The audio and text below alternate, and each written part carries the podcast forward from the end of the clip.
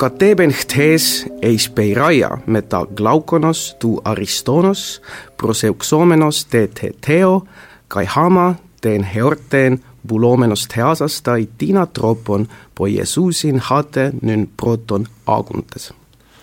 nii, ma üritan siis äh, sünkroontõlget siin, et eetris on Tähenduse teejuhtide järjekordne saade, tere õhtust, armsad Kuku raadio kuulajad!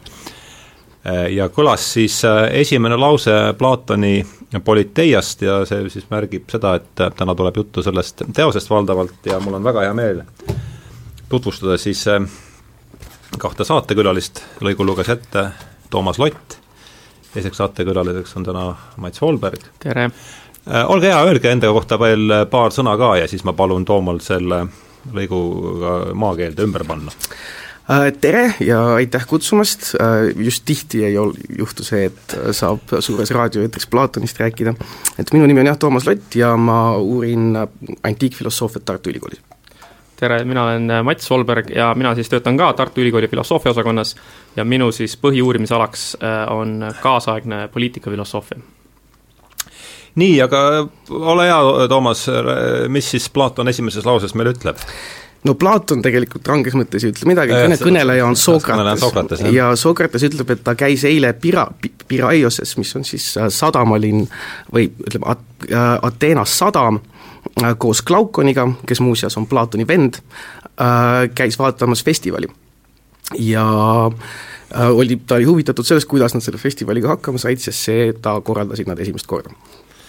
jah, tõepoolest, see siis äh, seab, eks ole, lava selleks äh, pikaks dialoogiks, millest me täna siis ka äh, üksikasjalikumalt räägime umbes paari tunni vältel. nii et siis Platon, Politeia. see raamat ja, ja Platon ise asetub ju teatud kindlasse konteksti ja oli siis ka esimene mõte, et räägime natuke sellest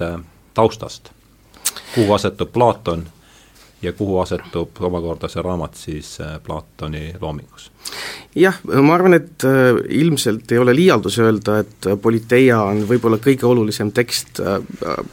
läänemaise mõtlemise ajaloos, mida ei ole eesti keelde tõlgitud ja selles mõttes oleks võib-olla tõesti lugeja, kuulajasõbralik natukene, natukene siis sellest taustast rääkida et tavaliselt äh, eristatakse sellist kolm tõeliselt suurt figuuri Kreeka filosoofias, kelleks on siis Sokrates, Platon ja Aristoteles, ja kõik nad tegutsesid siis, Sokrates ennekõike siis viienda sajandi äh, lõpupoole enne Kristust ja Platon ja Aristoteles siis äh, kolmandal sajand-, nel-, neljandal sajandil. ja Platon siis äh, on üldiselt peetakse teda Sokratese õpilaseks, Sokrates ise ei kirjutanud midagi, aga ta on siis tavaliselt peakõneleja so-, äh, Platoni dialoogides. ja see ajalooline kontekst äh,, kuhu see tekst võiks paigutuda mm,, on siis äh, teatud mõttes selline Peloponnesose sõja järgne äh, Äh, demokraatia kriis, et kui nüüd vaadata Platoni enda perspektiivist, äh, siis pärast Peloponnasose sõda tulid võimule need nimetatud kolm, kolmkümmend türanni, kes siis võtsid demokraatia üle äh,, Need, kes see Sparta, Sparta oma mahitusel jah, just, pärast Peloponnase sõda, mida siis Ateena ja Ateena liitlased kaotasid äh,, ja siis need kolmkümmend türanni lükati võimult ja pärast seda järgnes terve seeria selliseid kohtuprotsesse äh, ja ühe nende kohtuprotsesside käigus siis mõisteti surma ka äh, Platoni enda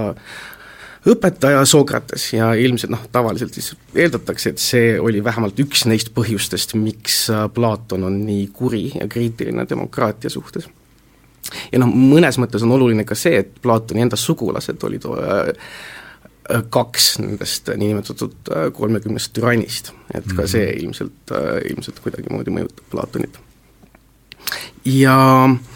ja teine võib-olla oluline nüanss, mis äh, aitaks mõista seda teksti, on selline üldine klassikaliste selliste moraalsete väärtuste kriis, et äh, viiendal sajandil enne Kristust äh, asusid äh, tegevusse sellised rändõpetajad nagu sofistid, kes ennekõike mm,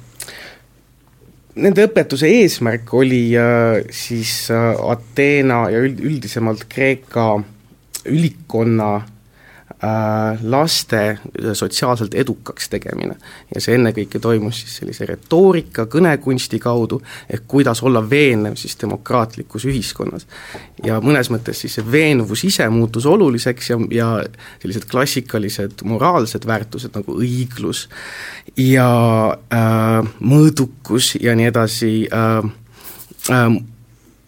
muutusid pigem teisejärguliseks või neid hakati ümber mõtestama et äh, mõnes mõttes, mida Platon siis Politeias teeb, on just nimelt, üritab tagasi anda sellise objektiivse äh, äh, sisu või olemusele nendele klassikalistele väärtustele, aga ta teeb seda viisil, mis, äh, mis olulisel määral uuendab neid väärtusi, et ta on äh,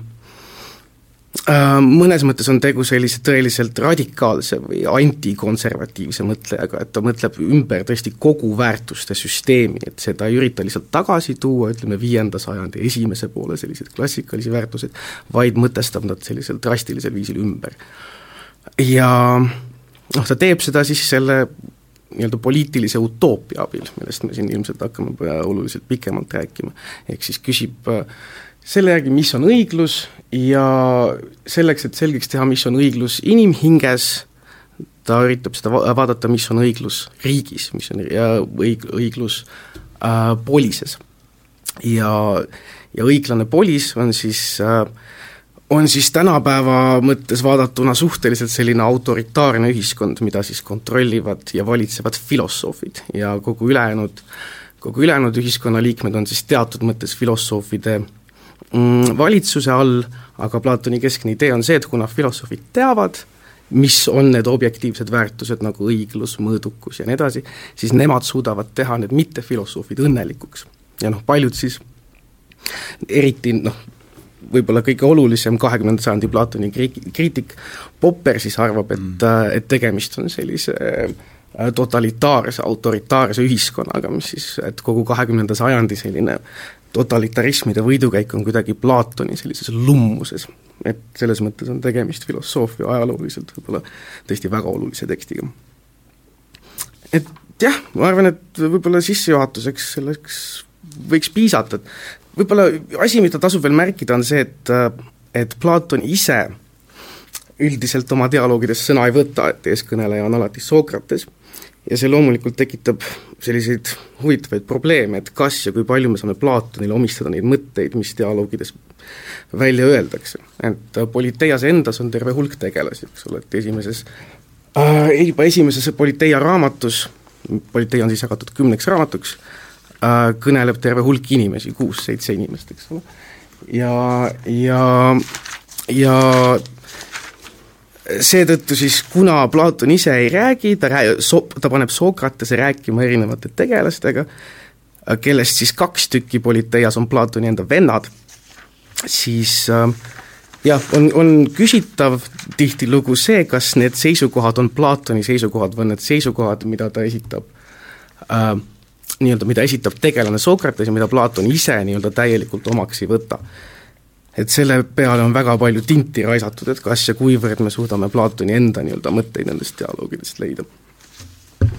et jah, et igal juhul, kui me räägime siis Politeiast, on mõttekas silmas pidada seda, et tegemist on dialoogiga ja mitte sellise filosoofilise traktaadiga, et ta on palju dünaamilisem mm -hmm. kui, kui kui näiteks Aristotelese tekst aga selles mõttes ma arvan, et eh, noh, mulle on alati tundunud, et see on nagu väga hea meetod midagi kirjutada, sest et eh, see on nagu äh, autorile see annab alati nagu selles mõttes suurema vabaduse või et nagu väiksema vastutuse selle ees, mida ta ütleb ja kuidas ta seda ütleb, eks, et et ta saab nagu mingis mõttes on see, et kui keegi midagi Platonile ette heidab, et näed, vaata, seal raamatus sa väitsid seda, et siis ta saab alati nagu mingis mõttes nagu toetuda sellele vabandusele, et ei, aga noh, et see oligi nagu noh, et see oli mingi tegelane ja see oli nagu väljamõeldis, et samamoodi, et kui mina täna siin midagi ütlen, siis saab öelda, et näed, Mats Volberg ütles niimoodi, tema arvab sedasi aga kui ma kirjutan noh, ma ei tea, teles, teleseriaali stsenaariumi ja minu tegelane seal ütleb kuskil raadiosaates midagi, siis noh, inimesed nagu teavad, et mina olen autor, aga keegi ei saa, keegi ei saa öelda, et ei, need on minu mõtted või need on minu tunded, eks, et selles mõttes see nagu paneb nagu teatud niisuguse nagu filtri nagu sinu ja selle publiku vahele, see annab sulle teatud niisuguse lisakaitse ja see võib-olla võimaldab sul ka öelda midagi niisugust, mis on noh, provokatiivsem, radikaalsem, et noh, selles mõttes see on nagu väga kaval nipp minu meelest. Mm. -hmm ei no see ilmselt on, no sellega tuleb kindlasti nõustuda, et Politeia kui tekst, eks ole, kus äh, mingisugusel hetkedel pooldatakse seda, et eraomand tuleks kaotada vähemalt osal ühiskonnast, ta, ta lubab intsesti vendade ja õdede vahel näiteks, äh, ta nii-öelda täiesti šokeerivalt väidab, et naised peavad valitsema täpselt nagu mehed ja nii edasi ja nii edasi. et kindlasti äh, Politeia on mõeldud provotseerima, ta on mõeldud šokeerima, ta on mõeldud selleks, et sa ise järgi mõtleksid mm. -hmm. tsentraalne mõte on see, et äh, Platon paistab eeldavat, et filosoofiat saab teha ainult nii-öelda ise, sa pead ise läbi mõtlema asjad ja nii edasi, et raamat ei ole midagi sellist, kus sa nii-öelda võtad teadmise vastu, vaid nii-öelda hea filosoofia raamat on see, mis sunnib sind mõtlema ähm,. Aga ma ei ole, ja seetõttu ma arvan, et võib-olla parem viis seda mõista, miks Platon ise ei räägi oma dialoogides, on just nimelt see, et ta ei taha asuda autoriteedi positsioonile ta ei taha võtta positsiooni, et mina, Platon, tark mees, olen välja mõelnud asjad ja nüüd teie loete seda teksti ja nüüd te saate minu autoriteedile tuginedes nii-öelda filosoofiliselt targemaks mm. -hmm. vaid just see on natuke noh, aga samas teisest küljest jällegi on see, et kui sa vaatad seda, eks, et et mingis mõttes, mis on need eeldused, millest ta lähtub, kui ta oma seda utoopiat hakkab nagu üles ehitama, kus ta nagu noh, jõuab selleni, et näed, et me nüüd oleme välja mõelnud kamba peale siin selle kõige eh, noh, nagu parema, ideaalsema ühiskonnakorralduse ja kuna me, kuna nad lähtuvad eeldusest, et, et see on ideaalne, et siis me peame kindlasti hoolitsema selle eest, et nagu miski ei tohi muutuda, et me peame kindlasti paika panema mingisugused nagu protsessid või piirangud, et see, see kord, mille nad kehtestavad, et see ei saaks nagu muutuda, et sellest teisest küljest jällegi ta nagu ikkagi ütleb, et näed, et, et selline ühiskonnakorraldus on nagu mitte ainult hea, vaid ka nagu on parim, eks. et see nagu mingis mõttes jällegi ta nagu tõstab ennast sellesse positsiooni, et noh, ma tean, kuidas peaks olema no siin tuleks eristada, no me ei ole nüüd päris sinnamaani jõudnud selle mhm. nii-öelda raamatust rääkimisel, aga, aga tuleks eristada need, kes on need filosoofid, valitsejad mm, -hmm. kes siis nii-öelda on läbi teinud selle kolmekümne viie aastase õppimisprotseduuri, eks ole, kust on osalis-, osa on ka selles, et sa nii-öelda reaalselt töötad ühiskondlikes institutsioonides, suur osa on selles, et sa teed matemaatikat, geomeetriat ja dialektikat ja nii edasi, ja si-, ja, ja siis sa, ja siis sa jõuad, eks ole, nii-öelda tõelise teadmiseni sellest, mis on õiglane ja, ja mis on hüveline ja nii edasi. Äh,, aga Platon ise ei ole üks neist filosoofidest. Mm.. Platon ise ei kõnele kui, kui üks neist, vaid ta lihtsalt räägib sellest, et meil on selliseid inimesi vaja, nemad oleksid parimad valitsejad. okei okay,, okei. Okay.. see eristus tuleks teha. Mm. -hmm aga lähme siis selle sisu juurde nüüd. Lähme siis jah, praegu sisu juurde jah, et äh, mis, veel kord, kuivõrd raamatut eesti keeles ei ole ja ega ta äh, oma kogemusele tung-, tuginedes või hiljutisele kogemusele tugines võin öelda, et ega ta ka kir-, kerge lugemine kuskilt otsast ei, ei ole, et anname tast jah siis ülevaate, et kümme raamatut, millest varumegi, selleks tuleb siis nüüd tõenäoliselt varuda natukene aega et äh, laseme talt, et, et see struktuur saaks mm -hmm. üldse nagu, et, et lugejatel tekiks ettekujutus struktuurist. okei okay,, nüüd äh, asi, mida ma võib-olla ehk oleks pidanud mainima äh,, aga noh, nüüd ma siis mainin, on see, et üldiselt Platoni politeia äh, paigutatakse Platoni loomingu keskperioodi. jah, kus ta jah, sellest oli ka juttu, et kus ta meil seal Platoni loomingus asetseb, et just, et Platoni varasest, varastes dialoogides äh, on siis peakõnelejaks alati Sokrates ja kunagi ei jõuta positiivsete tulemusteni, et Sokrates on see, kes ütleb, et tema ei tea, tema ei tea, mis on näiteks vaprus või umbes midagi sellelaadset, äh, ja ta üritab siis seda teada saada teistelt oma vestluskaaslastelt. ja noh, vestluskaaslased samuti loomulikult ei tea ja siis kõik dialoogid dialoogid, varased dialoogid, mis on enamasti sellised suhteliselt lühikesed, äh, jõua, lõpevad siis apooriaga, äh, lõpevad siis sellega, et ei jõuta, et ei jõuta vastuseni. ja nüüd äh, mõnes mõttes tuleks seda Politeia esimest raamatut vaadata samuti kui üht sokraatilist dialoogi. Et äh, väga tihtilugu arvataksegi, arvataksegi, et tegelikult Platon kirjutas kõigepealt selle Politeia esimese raamatu, mis lõpeb samuti apoorias, äh, ja siis hiljem kirjutas juurde kogu selle ülejäänud üheksa raamatut, kus mm -hmm. tegutseb siis juba hoopis teistsugune Sokrates, Sokrates, kes enesekindlalt mingisuguseid filosoofilisi doktriine kaitseb. et selles mõttes äh, on see esi, oli teie esimene raamat hea näide sellisest sokraatilisest meetodist, kus äh, äh, inimesed äh, kõigepealt siis äh, selline vanem äh, rikas äh, relvakaupmees Kefalos väidab midagi õigluse kohta, nimelt et õiglus on, eks ole, anda tagasi see, mis võlgnetakse ja nii edasi, siis näidatakse, et Kefalos, Kefalosel on Kefalus räägib endale vastu, et see osutub, et see ei ole hea definitsioon. Ja siis on äh, kaksteist tegelast, üks on Kefaluse poeg, Polemarchos, kes siis jätkab samuti sellise traditsioonilise õigluse definitsiooni kaitsmisega, mis on siis põhimõtteliselt see, et äh, nii-öelda aidata või teha head oma sõpradele ja kahjustada oma vaenlasi Sokrates näitab, et, et ka see definitsioon on vastuolus teiste selliste baasuskumustega, mis Polemarchosel on, ja siis nii-öelda nagu äh, raevukas lõvi sööstab äh, vaidlusesse Trasümachos, kes ütleb, et te olete äh, Te olete täielikus nii-öelda eksituses, et te eeldate, et õiglus on kasulik inimesele, et mis tegelikult õiglus on, on äh, õiglus on sisuliselt see, kuidas, kus, kuidas tugevamad kontrollivad nõrku. Ja, ja põhimõtteliselt äh, Trasimahos kaitseb sellist äh, moraali nihilistlikku teesi, et tegelikult see moraalne omadus, õiglus, ei ole üldse selle kandjale kasulik, vaid mida me kõik tegelikult tahaksime, on just nimelt olla ebaõiglased, olla ebaõiglased ja sellest kasu lõigata. ja mõnes mõttes see on selline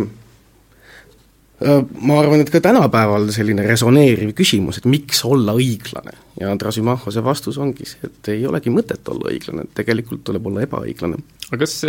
minul jäi nagu seda lugedes just mulje pigem see, et noh, võib-olla ma tõlgendasin seda natukene üle, et nagu mina, minul jäi just mulje see, et mida ta esitab, on justkui nagu niisugune pragmaatiline vaade, eks, et et ole õiglane või ole moraalne siis, kui Tarsemahas siis? jah, et sul on sellest kasu, et selles mõttes loomulikult on see, eks, et, et, et nagu äh, noh, et kui, kui sa oled alati lahke ja hea ainult, siis mõnikord sul tõmmatakse nii-öelda kott pähe ja siis sa nagu noh, lihtsam oleks võib-olla mõnikord olla teiste vastu halb või või, või olla ebaõiglane või kuidagi ka petta, et jõuda nagu selle hea tulemuseni, on ju. aga loomulikult ta ju, ma, ma usun, et ta nagu jätaks selle võimaluse lahti, et nagu kui mõnes olukorras hea olemine oleks sulle nagu kokkuvõttes kasulikum, siis ta ju, selle ukse jätaks ta ju ikkagi ometigi lahti, eks. ja selles mõttes, et see on nagu niisugune pragmaatiline, et noh, nagu et, et olla moraalne või olla õiglane siis, kui see on sulle kasulik. või, või kas ma lugesin või valesti või um...? noh, nagu me ilmselt il-, üsna peatselt äh, ka räägime, ilmselt kasulik on äh, see, kui sa paistad õiglane. Aga see, et nii-öelda reaalselt õiglane olla, et see noh, seesmiselt ilma, et keegi teaks, sellest väga suurt kasu ei ole et äh, Trasümahhose positsioon on ikkagi tugevam, kuigi noh, ta, tema positsioon nihkub vestluse käigus, aga lõppkokkuvõttes ta jõuab ikkagi selleni, et äh, ebaõiglus on see, mis on see nii-öelda voorus või loomutäius. et äh, selleks, et õnnelikult elada, peab nii-öelda olema ebaõiglane. Ja no siin võib-olla tasuks kahe sõnaga öelda ka seda, mis, millest siin nüüd konkreetselt, mis need eeldused on antud juhul selles Politeia esimeses raamatus, et eeldus on see, et äh, kõik inimesed tahavad olla äh, õnnelikud. ja õnnelikkus antud juhul siis ei ole lihtsalt mingisugune selline hetkeline tore äh, vaimuseisund, kus sul on hea olla, vaid õnnelikkus on selline hästi elatud elu. et nii-öelda, mis sul võimaldab elu hästi elada. Ja siis selline traditsiooniline arusaam on see, et need niinimetatud voorused, või noh, teine parem tõlge on tegelikult võib-olla loomutäius, et voorus toob selliseid äh, vooruse vaste nagu, jah? jah äh,, sest noh, nagu ka selles Politeia esimeses raamatus räägitakse, et ole, nugadel on omad voorused, hobustel on omad voorused ja nii edasi, eks ole, et voorus on see, mis teeb sellest asjast hea ja nii-öelda seal on juba see vormiteooria natuke taga või? Või? ei usu, ei, ei, ei, ei usu, et on, aga aga noh e, eeldus on see, et igal asjal on mingisugune funktsioon ja kui ta seda funktsiooni hästi täidab, siis on tal mingisugune omadus, mis võidab, võimaldab seda funktsiooni hästi täita ja see omadus ongi nüüd see, mida nimetatakse aretee ehk loomutäius. või no mis on aretee on loomutäius? jah. ja, ja noh, küsimus on selles, et kas see nii-öelda traditsiooniliselt selleks nii-öelda vooruseks või loomutäiuseks peetav asi, ehk siis õiglus, on midagi sellist, mis meid nii-öelda õnnelikuks teeb, eks ole, kas see võimaldab meile hästi elada oma elu. ja Trasimaho see väide on see, et vo-, et õiglus ei olegi üldse loomutäius, sest ta ei võimalda meil oma elu hästi elada, ta pigem muudab meid õnnetuks, kui me elame õiglast elu, kui me maksame tagasi, eks ole, oma võlad, kui me käitume vastavalt nii-öelda sotsiaalsetele konventsioonidele ja nii edasi. teeme, mis me oleme lubanud ja no just, me oleme sellised lambukesed põhimõtteliselt, et need, kes tegelikult oma elu hästi elavad, on need, kes on ebaõiglased, kes on tugevad, ja kes on ebaõiglased. See resoneerub ju igasugu kõikide ajastutega vist see, eks ole. ei no ilmselt noh, võib-olla kõige selline esimene reaktsioon, mis inimestel tuleb, et selles on midagi väga sellist Nietzschelikku, eks ole, ja Nietzsche tõepoolest, äh, on ka teine tegelas, Kallikles, ühes teises dialoogis, Gorgias, kes väidab samasuguseid asju, kes on samuti moraalinihilist ja Nietzsche üldiselt kiidab, kiidab nende lähenemist heaks, et, äh, et tõepoolest, et nii-öelda tavaline moraal on mõeldud selleks, et lihtsalt äh, äh rumalaid inimesi ohjes hoida. Ja et need tugevad, tõeliselt tugevad saavad siis selle abil kontrollida ülejäänud, aga ise nad loomulikult õiglaselt ei käitu, et nemad nii-öelda haaravad endale võimalikult palju ressursse ja ja Trasimahose mõte on see, et nii-öelda, et kõige õnnelikum on ikkagi see, kes on nii-öelda, kellel on kõige rohkem võimu. ja, ja see, kellel on kõige rohkem võimu, on siis mõnes mõttes see türann või hirmuvalitseja, kes kõiki teisi kontrollib, et aga mingis mõttes, kas, vaata, kui sa siin alguses ütlesid, et sofistide põhiküsimus oli, et kuidas olla edukas demokraatlikus ühiskonnas.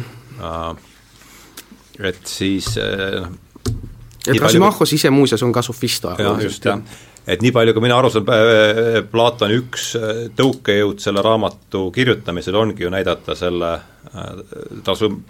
kaugem eesmärk on see Trasimahose positsiooni ümber lükata. ei kindlasti, jaa, jaa, loomulikult, jaa ja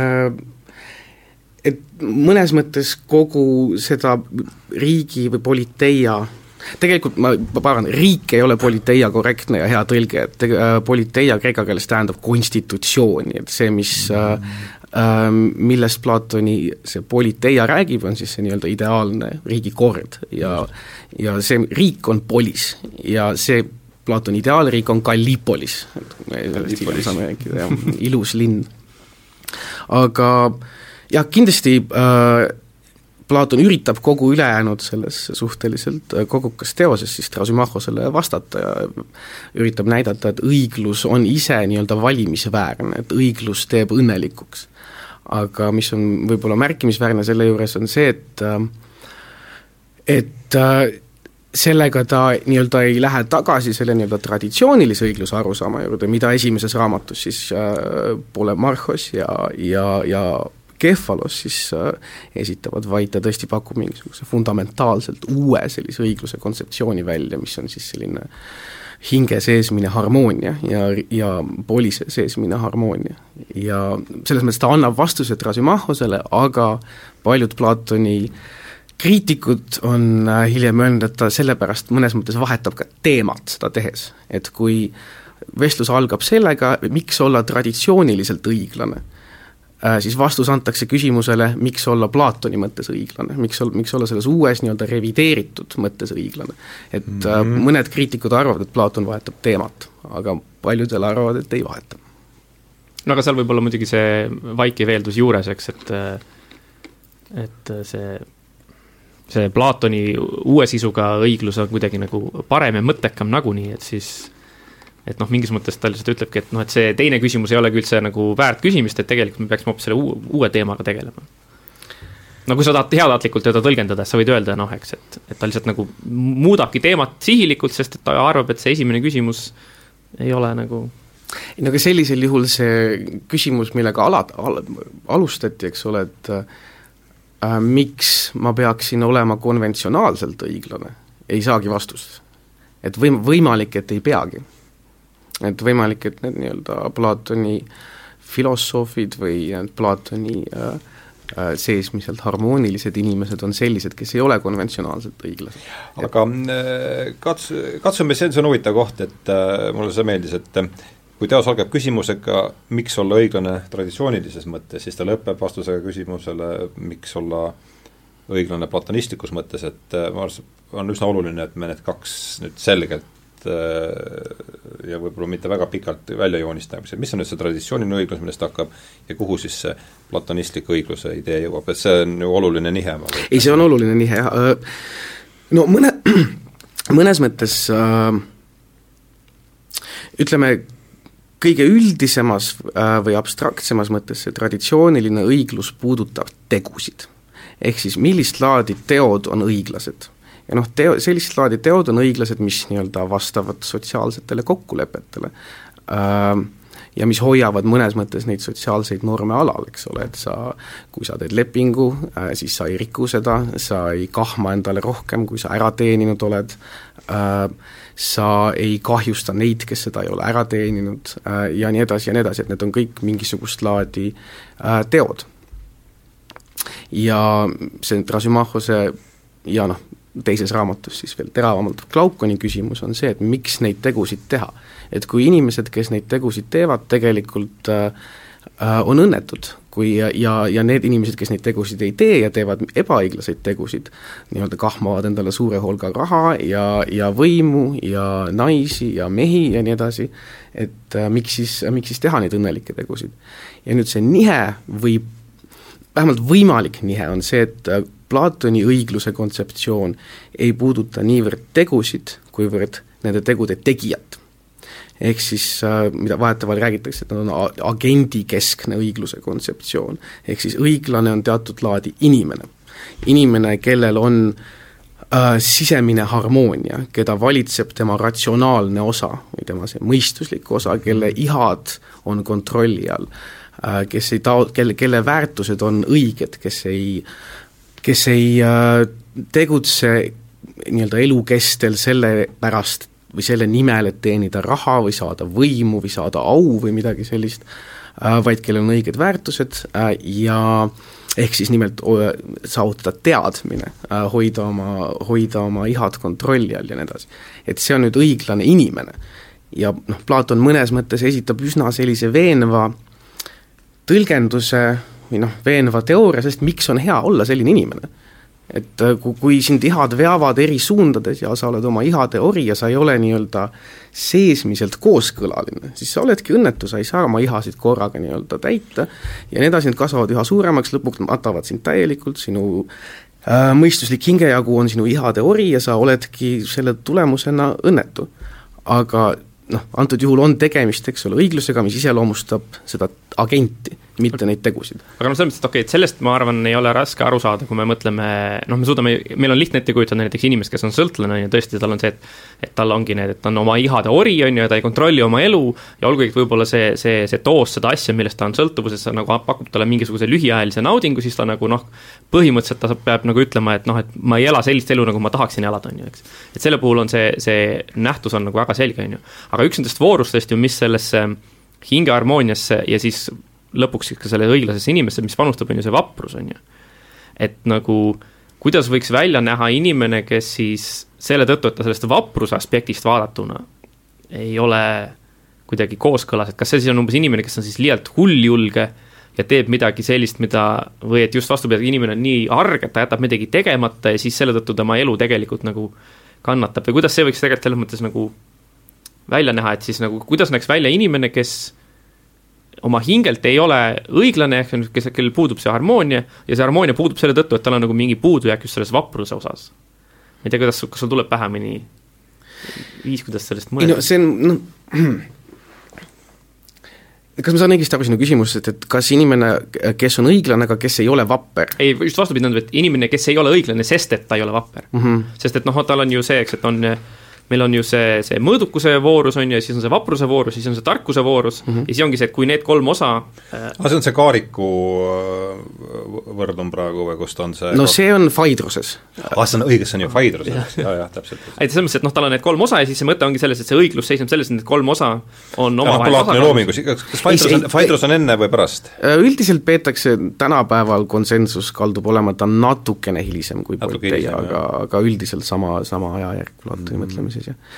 Aga et ühesõnaga, need kolm osa peaksid olema nagu tasakaalus, on ju, ja siis on nagu see, et et meil on lihtne ette kujutada seda, et nagu, et milline inimene ei ole õnnelik või et milline inimene ei ela head elu, sest et see, see mõõdukus on tal nagu puudu, on ju, ja ta, ja ta on oma ihade poolt kontrollitud, on ju. ja no ma arvan, et ka inimene, kes ütleme, see, see teadmise, ütleme, see hingeosa tal on näiteks puudu, et noh, ongi see, et kui sa oled nagu rumal inimene eh, või, või sa lihtsalt ei tea, kuidas maailm sinu ümber toimib, siis, siis sul on raske elada head elu või sa, su elu ei ole nagu selline, on ju. aga noh, ongi see, et nüüd kuidas selle vaprusega nagu, kuidas see nagu nii-öelda avalduks päris maailmas, et me ütleme, et näed, et seal kõnnib üks Peeter või, või, või seal kõnnib üks Tiina et näed, et ta on küll, ta on küll mõõdukas inimene ja ta on ka nagu mingis mõttes nagu tark inimene, aga näed, ta üldse ei ole vapper ja nüüd sellepärast tema hing on nagu harmooniast tasakaalus väljas ja siis nüüd ta ei ela nagu head elu? no siin äh, ma arvan, et esimene asi, mida tuleks öelda, me räägime sellest ilmselt varsti kohe pikemalt, aga, aga üldiselt sa ei saa olla õiglane, aga mitte vapper sest õiglus tähe-, tähendabki põhimõtteliselt seda, et sul on kõik need ülejäänud kolm voorust olemas, ehk siis mhm. hingejaod on omavahel nii-öelda õiges seos Aga.... et selles mõttes see mõtteeksperiment ei tööta. paneme, ütleme need hingeosad nüüd ka ära, muidu on meil võib-olla raske, raske jälgida, et mis, mis on siis need, need põhi, me hüppasime juba sisse, ilma et me oleks seda tausta hüppasime jah, natukene kahjuks. et äh, loeme need põhivoorused siis ka igaks juhuks üle okay. kuulajatele äh,, äh, me juba sinna läksime. ühesõnaga äh,, Äh, Platon siis äh, või noh, Sokrates Politeia neljandas raamatus siis eristab äh, kolm hingeosa või kolm hingejagu. neljas raamat on see, jah? jah, ja selleks on siis ihalev hingejagu, mis on kõige madalam, siis on mõistuslik hingejagu, mis on siis kõige kõrgem ja nende vahele paigutub see, mida nimetatakse söakaks hingejaoks, mis on siis seotud, see tuumus või? just ja mis on siis äh, seotud ennekõike sellise ühesõnaga, kui ihalev hingejagu tahab kõige rohkem, nagu noh, nimi isegi ütleb, selliseid ihasid täita nagu lihtsalt umbes äh, seksuaalsed ihad, iha söögi järgi, iha ka raha järgi ja nii edasi äh,, siis ihalev hingejagu see, mis on tema selliseks nii-öelda seesmiseks suunajaks, on iha just sotsiaalse sellise tunnustuse järgi. see on söakas, vabandust. Äh, ja, ja siis äh, neist kahest siis eristub see nii-öelda ratsionaalne hingejagu, mis huvitub tegelikult äh, sellest, et ühesõnaga, tema selliseks seesmiseks eesmärgiks on iha siis tõe, või ta ihaleb tõde, teadmist, õiglust, kõiki selliseid puhtaid ja toredaid asju. ja tema on siis Vaidroses seal kaariku juht? tema on see kaariku juht just nimelt, jah mm. -hmm. ja mis Platonit siis, Platonit siis võib-olla talle suurt muljet avaldab, on see, et erinevatel inimestel paistavad need erinevad hingejaod domineerivat, eks ole, et meil on inimene, keda domineerib tema madalam hingejagu, see on siis inimene, kes Platoni järgi kaldub olema selline raha armastav, kes, kelle nii-öelda eesmärgiks on teatud mõttes äh, äh, ihade rahuldamine ja noh, ja isegi kui sind ihalev hingejagu domineerib, siis see võib domineerida sind sinu ütleme, et kõik kõige madalamad ihad või siis natukene ütleme, sellised peenemad ihad nagu iha raha järgi ja nii edasi, et see võimaldab meil anda sellise psühholoogilise tean, taksonoomia inimeste suhtes, eks ole, et et millist laadi hingejagu teda domineerib, kuivõrd ta teda domineerib ja nii edasi ja nii edasi ja nii edasi. ja, ja siis noh, nüüd me tõesti tõttame natuke asjast ette, aga, aga aga pla-, aga sellised noh, klassikalised voorused siis, mida nimetatakse kardinaalvoorusteks, on siis äh, mõõdukus, vaprus, tarkus ja õiglus. ja Platon arvab siis seda, et äh, et kõik need hingejaod, siis kui nad tunnevad ära oma koha, ehk siis nii-öelda moodustub selline harmooniline struktuur, siis neil on ka vastav, siis sellist hinge iseloomustab sellist laadi voorus. ehk siis kui ihad on kontrolli all, kui see ihalev hingejagu on kontrollitud mõistuse poolt, siis on tegemist mõõduka hingega. Äh, kui nüüd äh, see söakas hingejagu, kui tal on antud õiged eesmärgid, ehk siis ta nii-öelda teab, mida karta ja mida mitte karta, ja ta on mõistuse liitlane selle nii-öelda ihaleva hingejao kontrollimisel, siis see konkreetne inimene on vapper. ja noh, see ja see äh, inimene, keda siis valitseb see nii-öelda ratsionaalne või mõistuslik hingejagu äh, ja kes on lasknud sellel hingejaol siis nii-öelda võimalikult palju saavutada seda, mida see tahab, ehk siis teadmist, Äh, siis see äh, inimene on ka tark. ja noh, õiglus laias laastus ongi äh, nii-öelda nende kolme hinge ja omavaheline harmoonia ah, nende lõpuks, ma sai, küsimus nüüd lõpuks asetus oma, sai selle konteksti. ma ei mäleta, kas see kardinaalvoorused on ka politeias defineeritud või? No, no mitte selle sõnaga, aga põhimõtteliselt noh, mõte on selles, et need on need neli põhimist voorust, mis inimesel on, need on politeias. mis raamatus me praegu oleme? no me praegu hüppasime neljandasse, aga tegelikult me võiksime võib-olla natuke ka teisest ja lähme, lähme, lähme teise juurde tagasi, aga ma arvan, et me saime selle, siis jätame neljanda vahele siis, kui me ei ärme jäta, sellepärast et neljandas on juttu, ei no kogu hästi, lähme teise juurde? jah. Mats, tahad sa rääkida teisest või uh,? Oota, ma vaatan, mis mul siin on. Teeme jah, siis niimoodi üle ühe, et võta Mats teine ja siis äh, Toomas kolmas ja ja võite vaheldamisi. nii Adeimantus no, ja ühesõnaga, siin on siis Glaukon. Glaukon, jah ja. ja.. kes on siis Platoni vennad.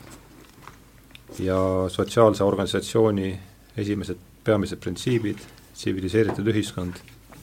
ma ei ole kindel, et minu nõutud. selles, mis nu-, mis selle äärenumbriga sul see ra-, teine raamat algab? kolm, viis, seitse. aa ah,, okei okay,, siis mul on ikkagi see on see Stefanose paganit. jah, jah, see on, see teeb mul, nii e,.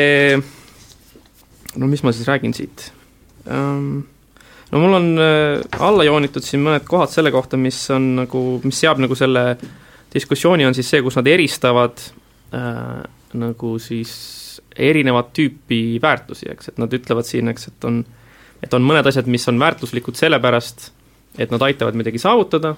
ja mõned asjad on väärtuslikud eh, noh, iseenese pärast ja siis on veel mõned asjad, mis justkui nagu jagavad seda mõlemat, et nad siin mm,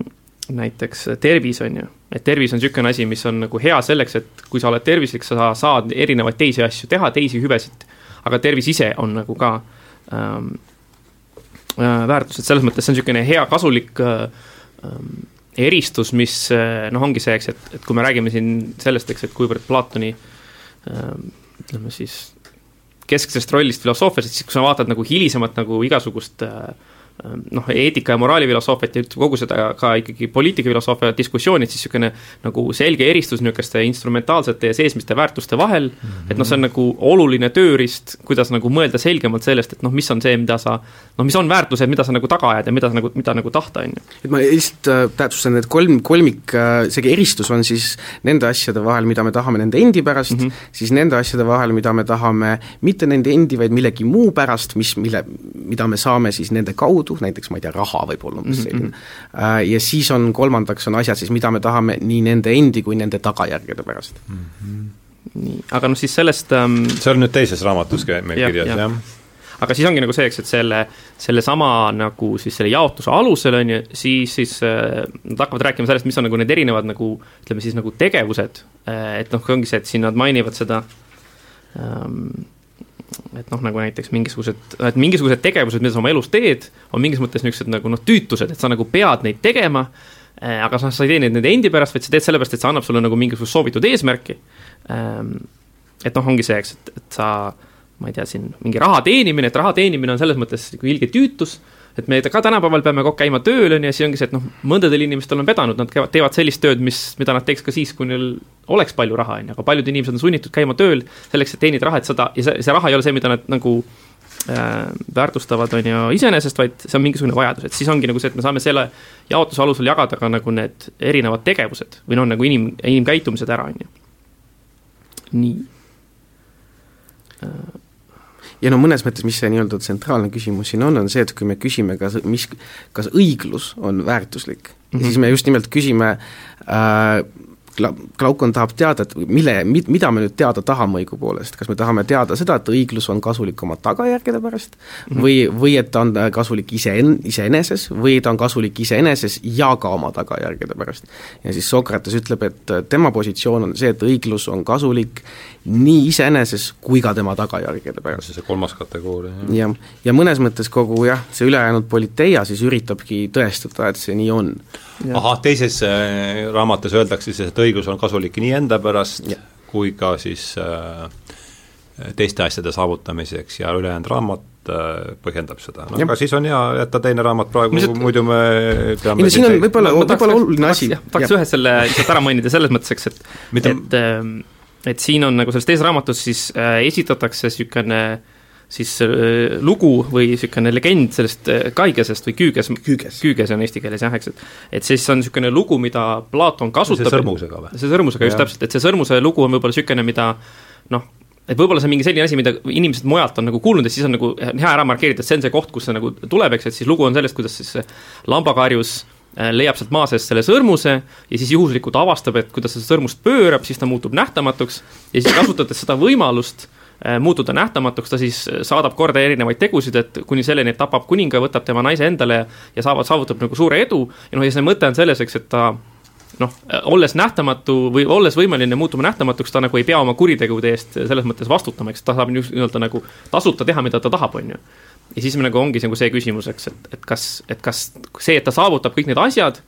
noh, et kas ta siis tegelikult elab ka, et kas ta siis tegelikult oma noh, väliselt võib-olla ta tundub meile hea, edukas ja õnnelik, on ju, aga noh, et mida ta siis nagu oma sisemuses tunneb, eks, et noh, see on niisugune no ma arvan, et see üks asi, mida siin peaks ilmselt ka mainima, on see, et see Küügese äh, lugu peaks meile ütlema seda, mida, mida Glaukon ütleb, on see, et ükskõik, me kõik mm -hmm. käituksime nagu see lambakarjus, kui meil oleks see sõrmus. ehk siis mõte on see, et meie tegelik motivatsioon olla õiglane äh, on lihtsalt see, et me tahame paista õiglased mm. -hmm. et niivõrd, kuivõrd me ei saa ebaõiglased olla, ilma et meid karistataks selle eest, siis niivõrd me püüame olla õiglased. aga Sõrmuse lugu peaks siis viitama sellele, et me kõik valiksime ebaõigluse, kui meile antakse võimalus. no see on väga Nietzschelik. no just nimelt ja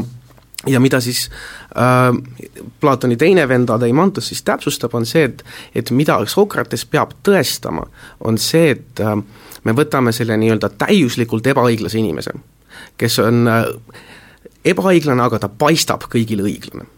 ühesõnaga, ta seesmiselt on täiesti ebaõiglane, ta teeb salamisi kogu aeg ebaõiglaseid tegusid, aga ta paistab kõigile õiglane ja saab seetõttu siis kõik need hüved, mida need inimesed, kes paistavad õiglased, saavad. ja nüüd me vastandame sellele teisele tegelasele, kes on täielikult õiglane, aga paistab kõigile ebaõiglane mistõttu teda siis kogu aeg karistatakse, noh küll teenimatult, ja ta elab äh, nii-öelda el-, elu, kus ta on pidevalt nii-öelda teiste poolt põlu all, kuna ta paistab ebaõiglane, aga ta tegelikult on õiglane. ja nüüd see, mida äh, siis ven-, Platoni vennad Glaukon ja Deimantos mingis mõttes tahavad Sokrateselt, on see, et ta tõestaks, et see teine elu on tegelikult parem kui see esimene elu ehk see täielikult õiglane inimene, kes paistab kõigile ebaõiglane mm, -hmm. et see elu on tegelikult valimisväärsem kui selle inimese Aha, elu, kes paistab kõigile te, õiglane, aga on tegelikult ebaõiglane. ja see on noh, tõesti selline no, raske asi, mida tõestada, seda, aga seda ta hakkab nüüd ometi tegema just, ja, ja kogu, ja mõnes mõttes nüüd on siis see mm. küsimuse, küsimuse asetus on nüüd püstitatud. Okay.. et see on see, mida see üle, kogu ülejäänud raamat peab siis üritama näidata ja noh, mida ta ka siis teeb. kas me nüüd oleme valmis kolmanda juurde minema? mitte päris, sellepärast ma ei taha teid kuidagi sugugi mitte päris sellepärast, et äh, võib-olla oleks mõttekas äh, natukene rääkida sellest, mis meetodi siis nüüd Sokrates pakub välja selleks, et sellele küsimusele vastus leida. ja see meetod siis on see, et noh, ta ütleb, et meil et me oleme, mida me tahame teada, on see, et miks olla õiglane isiklikult, miks mina peaks valima õigluse selle asemel, et valida ebaõiglus. ja ta ütleb, et noh, et me oleme äh, me oleme nagu inimesed, kellel ei ole väga hea silmanägemine ja seetõttu me ei näe väikseid tähti lugeda, et äh, nii-öelda püstitame selle küsimuse suurte tähtedega. ehk siis ärme küsi selle järgi, milline on õiglane inimene, vaid küsime nii-öelda suuremal skaalal, sest seda on lihtsam nii-öelda näha ja küsime, milline on õiglane polis või õiglane nii-öelda linnriik siis Aha, ja see on teisele tasandile just, selle asja mm. -hmm. ja see on siis see, kust kogu see nii-öelda äh, poliitiline aspekt selles loos nii-öelda pihta hakkab mm. -hmm. et äh, selleks, et saada teada, miks valida õiglus, peame me kõigepealt tegema kindlaks, milline on õiglane ühiskond. ja selles mõttes see on nagu päris huvitav, eks, et äh, et sinu esimene, esimene tasand või esimene niisugune nagu noh, mis sealt nagu selle implikatsioon või see tulem on ju see, eks, et äh, et me peame küsima, et kas selline analoogia üldse nagu pädeb, eks, et kas, kas me saame öelda, eks, et kui me näeme mingisugust omadust, me näeme mingisugust tunnust äh, Äh, ühiskondlikul tasandil, et kas siis see on niimoodi ülekantav üksikisiku tasandile ja vastupidi, on ju. et, ähm, et noh, selles mõttes ma ei tea, kas see nüüd on väga hea näide, on ju, aga ütleme, eks, et et nagu hea jalgpallur on inimene, kellel on mingisugused oskused, aga et kas me saame siis öelda, eks, et nagu need oskused on miski, mis on noh, ülekantavad, et kui me vaatame nagu seda head jalgpallimeeskonda, et siis sellel meeskonnal kuidagi grupili, grupina on needsamad oskused, mis on sellel ühel individuaalsel jalgpalluril. et ma ei ole kindel, et see noh, nagu alati nii nagu toimub, on ju noh, ja teine asi on siis see, eks, et kui, kui noh, näiteks ma ei tea, mina koolis ajalootunnis ikkagi õpetati, näed, et siin Platon rääkis sellisest utoopiast selline peaks olema nagu hea ja õiglane riik, et siis noh, hiljem, kui ma hakkasin filosoofiat õppima, mul tuli nagu see niisuguse suure üllatusena, et tegelikult selle ideaalse riigi konstruktsioon on mingis mõttes nagu noh, ainult äh, no, nagu vahend. vahend jah, et see ei olegi tegelikult eesmärk omaette, et eesmärk ei ole nagu mm, anda mingisugust poliitilist, poliitikafilosoofiat traktaati, et näete, kõik head ja õiglased riigid on sellised, vaid lihtsalt noh, eesmärk on ju see, see inimese hinge küsimus või inimese isikliku õigluse küsimus. ja see, see on ainult noh, mingis mõttes nagu sulgudes, olgugi et ta kohati läheb nagu väga suurtesse detailidesse selle kohta, et noh, kuidas see täpselt peab seal toimuma ja ja umbes, et millised on seal need äh, loteriid ja, ja muud asjad, on ju ja see saab lõbus olema uh, nii, aga kas me nüüd, nüüd on teisel jõul, ma veel kord, ma ei taha te, ei taha kiirustada, aga no ühesõnaga, võib-olla kaks sõna veel, et ühesõnaga, mida siis, mis siis toimub, on see, et et mida Sokrates hakkab tegema, on see, et ta hakkab konstrueerima seda nii-öelda ideaalset õiglast ühiskonda. nüüd alates siis sellest kolmandast raamatust, eks? tegelikult alates teisest raamatust. aga lõbus või noh, huvitav on see, et, et ta kõigepealt konstrueerib sellise hästi lihtsa ühiskonnakorralduse, kus meil on, eks ole, mõned ehitajad, mõned arstid ja nii edasi ja nii edasi, et äh, dieet on äh, taimetoit ja, ja äh, ei magata või ei lamata peente selliste lavatsite peal. Ja ühesõnaga on selline suhteliselt lihtne, peaaegu et selline spartalik äh,, spartalik elu äh,, kus igaüks teeb seda, milleks ta on parim, selles mõttes igal, igal ühiskonnaliikmel on oma funktsioon, et ei ole see, et üks äh, üks tegelane on korraga nii arst kui ehitaja, vaid meil on inimesed, kes on ainult ehitajad, inimesed, kes on ainult arstid ja nii edasi, et ühesõnaga ühiskonnaliige on määratletud tema funktsiooni poolt. kas ta võib pidada, ma hakkasin mõtlema, kas see võiks olla nagu mingi poliseelne niisugune ühiskonnakorraldus või? no mingis mõttes jah, sellepärast et, et mingi sugukondlik niisugune koos, koosolemine? no ehk äh,, mida Glaukon ütleb, on see, et noh, et Sokrates, see linn, mida sa kirjeldad, noh, on küll väga tore, aga see on sigade linn. Ja selle sigade linna all peab ta siis silmas seda, et äh, et seal ei ole äh, delikatesse, seal ei ole kultuuri, seal ei ole sel nii-öelda äh, muusikalist meelelahutust ja kõiki neid asju. ja no inimesed on püüdnud aru saada, et mis Glaukonit õigupoolest häirib selle asja juures. ja üks viimase aja selliseid minu meelest põnevamaid interpretatsioone on see, et et Glaukoni meelest sellist laadi ühiskonnakorraldus ei ole piisavalt tsiviliseeritud et mõnes mõttes siin ongi puudu see nii-öelda inim-, inimlik selline kultuurimoment ja ta nõuab, et me ta, kui me ehitame sellist nii-öelda ideaallinna, siis ta ei taha lihtsalt, et oleks paremad voodid, vaid ta tahab, et oleks kultuurne vestlus äh, äh, muusikasaatel äh,, mingisugust laadi äh, ütleme, poeesia, kõik sellised asjad, et äh, see, mis puudu on, on, on, on kultuur. ja, ja Sokrates siis ütleb, et jah, et okei okay,, et mina oma meelest kirjeldasin sulle tervet nii-öelda linnriiki või tervet ühiskonnakorraldust, aga sina tahad vastand, vastandile haige. jah, ja aga sina tahad mm, -hmm. et ma kirjeldaksin palavikus linna. ja siis tegelikult see ülejäänud, kogu ülejäänud politeia siis kirjeldabki seda linna või linnriiki, mis siis äh, Sokratese meelest ei vasta sellele nii-öelda ideaalsele sellisele, peaaegu sellisele põllumajanduslikule ühiskonnakorrale, vaid see on see nii-öelda tsiviliseeritud palavikus linn, millele Sokrates siis üritab anda sellist ideaalset vormi põhimõtteliselt. Mm.. aga noh, minu jaoks on nagu siin see, eks, et ühelt poolt äh, väärib nagu äramärkimist, eks, et see, et äh, noh, meie jaoks täna täiesti ilmselge nagu mõte äh, Äh, spetsialiseerumise kohta, on ju, et me nagu noh, me, meie jaoks täna on ju ilmselge, eks, et, et nagu kogukond grupina võidab äh, siis, kui igaüks teeb seda, millest on kõige parem, sellepärast eks, et siis mida rohkem sa ainult ühe asjaga tegeled, seda, seda paremaks sa muutud, seda suuremaks läheb sinu tootlikkus, seda suurem läheb sinu ekspertiis ja siis saad teistega nagu vahetada ja kogu see, noh, selles mõttes see tuleb meile täiesti ju ilmselgeteks, et siin on ju selles mõttes ähm, Platon ütlebki ju ka selle välja või noh, Sokrates ütleb selle välja, eks, et et noh, et igaüks peaks tegema seda, millest ta on kõige parem, aga samal ajal on nagu siin see, eks, et äh, justkui nagu on mingi vaikiv eeldus, et äh,, et inimesed on nagu ainult ühes asjas head. ja teisest küljest on nagu see, eks, et see, see, milles sa oled hea, on nagu väga tugevalt sinu nagu loomuse kaudu ära määratud, eks. Yeah et noh, nagu kui me nüüd mõtleksime nagu selle tänapäevase konteksti peale, on ju, et siis ongi tõesti nagu see, eks, et noh, ma ei, noh, et ikkagi nagu haridussüsteem või et noh, kui me mõtleme selle peale, siis ei ole nagu nii, eks, et me, et me varakult vaatame, et ahaa, sellel lapsel on mingisugune anne ja nüüd me hakkame ainult seda annet nagu temas aretama ja kõik muu on justkui nagu mingis mõttes tuleks jätta nagu kõrvale, eks, või et me nagu ei, me ei, me ei määra inimesi niimoodi kuidagi ära, et noh, ja teisest küljest me nagu ju arvame, et on inimesed, kes on võimelised nagu olema edukad ja, ja, ja nagu head mitmel erineval alal, võib-olla isegi mitmel erineval alal korraga, on ju. Ja me kindlasti väärtustame ka sellist asja nagu eneseteostus, et ütleme, kui näiteks keegi võib-olla noh, oleks äh, ideaalis parim näiteks arstina, aga ta tunneb, et tema eneseteostus on näiteks äh,, näiteks automehaanik olemine, siis äh,, siis me eeldame, et sellel inimesel on õigus seda teha, milles ta tunneb, et ta, mida ta tahab teha. Platoni mõte on see, et igaüks nii-öelda, või noh, Sokratese mõte on see, et igaüks peaks tegema seda, milles ta on parim. see on kõige õiglasem ühiskonnakord, kus igaüks teeb seda, milles ta on parim. kuigi see on huvitav, et sa seda ütled, sest et nüüd viimase paari aasta jooksul on hakatud äh, ka just nüüd ongi kaasaegses poliitikafilosoofias nagu arutama tõsisemalt selle küsimuse üle, mida siis äh, noh,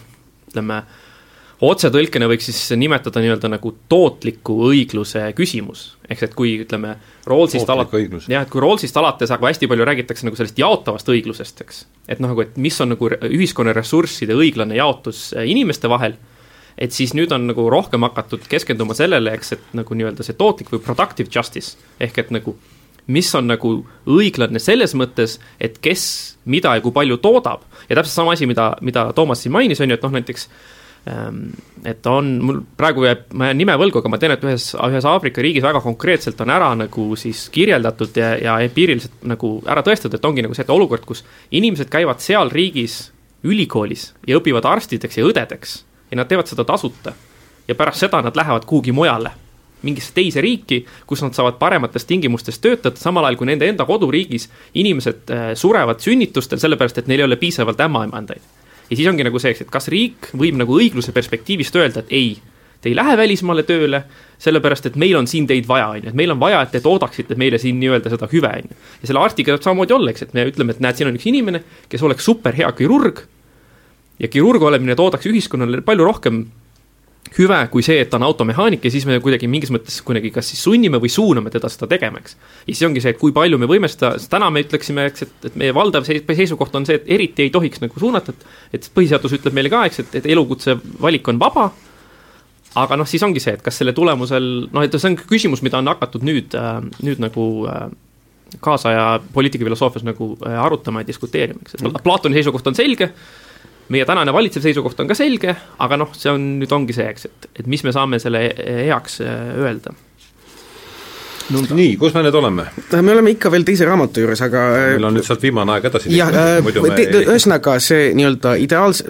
mida äh,, Platon, Glauk-, vaba, Sokrates, Glaukon ja Adeimantos siis hakkavad konstrueerima sellist ideaalset ühiskonda, kus on ka kultuur ja noh äh,, Sokrates kohe rõhutab, et sellisel juhul on meil vaja rohkem ressursse, eks ole, meil on vaja aulosemängijaid, samuti on meil vaja kuna see nii-öelda riik äh,, linnriik kasvab, on meil vaja ka äh, Äh, võib-olla ressurssi juurde saada, meil on vaja sõjaväge, meil on vaja kõiki selliseid asju, äh, mis hakkab juba noh, olulisel määral sarnanema siis nii-öelda selle polisega, kus Sokrates palavikus linnaga, see kui äh, Sokrates ja kogu see seltskond elab, eks ole. ja nüüd Sokrates siis äh, ütleme, teise raamatu lõpupoole jõuab siis selleni, et, et see nii-öelda äh, see ühiskonnaklass, kes on siis äh,, kes valitseb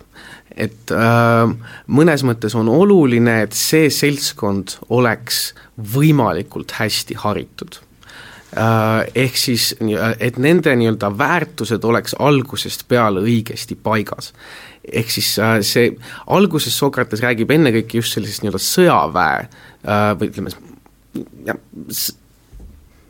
ka sõjaväe. jah, no ütleme sõjaväelased siis noh,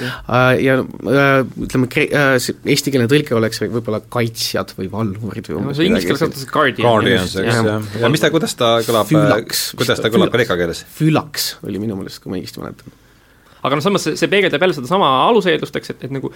inimene peaks tegema seda, millest ta on kõige parem ja selles mõttes, et ja selle asjaga peaks tegelema nagu ekspert, on ju, et nagu, et farmerid peavad olema eksperdid nagu selles äh, põllutööstuses ja samamoodi siis noh, valitsejad peavad olema eksperdid selles valitsemises, et selles mõttes ja no, aga noh, oluline on just nimelt see, et, et, et kuna nende, selle nii-öelda, nende valvurite käes on, eks ole, relvad, jõud ja nii edasi mm, -hmm. siis keskne oleks see, et ne-, et nemad ei pöörduks nende vastu, keda nad kaitsma peavad. ehk siis kogu ülejäänud elanikkond. seal on see karja, karjakoera motiiv on, eks just, äh, et nemad on nagu koerad, nagu Platon ütleb väga võluvalt, et koer on kõige filosoofilisem loom, kuna ta äh, nii-öelda armastab neid, keda ta teab, ja vihkab neid, keda ta ei tea, ehk siis nii-öelda koer väärtustab teadmist. Äh, ja noh, tõepoolest need valvurid peavad siis olema tõepoolest nagu korja äh,, nagu koerad, mis siis omakorda tähendab seda, et nad peavad äh, nendest tuleb kultiveerida õigeid väärtusi selleks, et nad tõesti kaitseksid äh, seda nii-öelda oma karja. oma karja, just nimelt. ja noh, siin on juba selline teatud karja, karja mentaliteet versus siis valitsejate mentaliteet, mis muutub selliseks võib-olla keskseks, keskseks äh, kogu ülejäänud, äh, kogu ülejäänud teoses. ja, ja me jõuamegi siis kolmanda raamatu juurde põhimõtteliselt selle küsimuse käigus, ehk siis kuidas me peaksime seda nii-öelda valitsevat äh, valvurite ja sõjaväelaste eliiti harima. ehk siis millist laadi haridus on nende jaoks oluline. ja kogu ülejäänud sellise õiglase polise arutluse võib-olla tuum ongi üllataval kombel just nimelt hariduse küsimus mm. -hmm ehk siis äh, noh, paljud on tähele pannud seda, et Platoni see õiglane polis või see Kallipolis on tegelikult selline hiiglaslik haridusasutus. et kõige olulisem on nii-öelda määrata ära see, millise hariduse need valitsejad saavad, kui nad saavad hea hariduse, kui nende väärtused on õigesti paigas, siis tegelikult loksub ka kõik muu paika enam-vähem, see näib olevat see mõte. ja, ja see on selles mõttes selline vaade, eks, et kui me nüüd loeme loeme seda raamatut kui nagu haridusfilosoofia teost, mida nagu seda tihti tehakse, on ju, siis ongi nagu see, et see, see mõttekäik, ehk et nagu mis äh,, ühesõnaga mõttekäik siis selle kohta, et kui sul on nägemus, millist riiki sa tahad, siis see ütleb sulle, et milline peab olema sinu haridussüsteem, on ju, et sinu haridussüsteem teeb, nagu määrab ära selle, millist riiki sa tahad ja mingis mõttes me näeme selle, selle peegeldust ka näiteks noh, nagu kaasaegses haridussüsteemis, eks, et et meil on mingisugune nägemus, millist inimest me tahame, me tahame sellist inimest, kes oleks nagu võimeline ja avatud äh, niisuguses rikkalikus äh, väärtusruumis nagu ise arutama, aru saama äh,, nii-öelda ise nii-öelda nende Mm,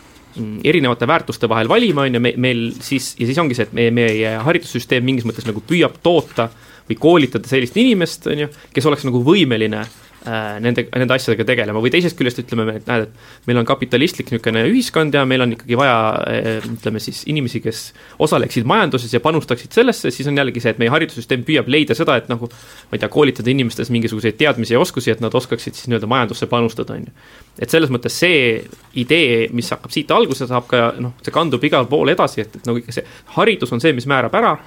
millise riigi sa saad ja vastupidi, ühesõnaga, et kui sul on mingit laadi riik siis sul on vaja nagu sellele riigile vastavat äh, haridust, et seda nagu noh, ülal hoida, on ju mhm. nii et jah, see on nüüd oluline koht, mida tasub üle äh, rõhutada jah, et kogu õiglase polise küsimus on tegelikult haridussüsteemi küsimus. Äh, kõlab ka võrdlemisi päevakajaliselt. nii, aga mis me siis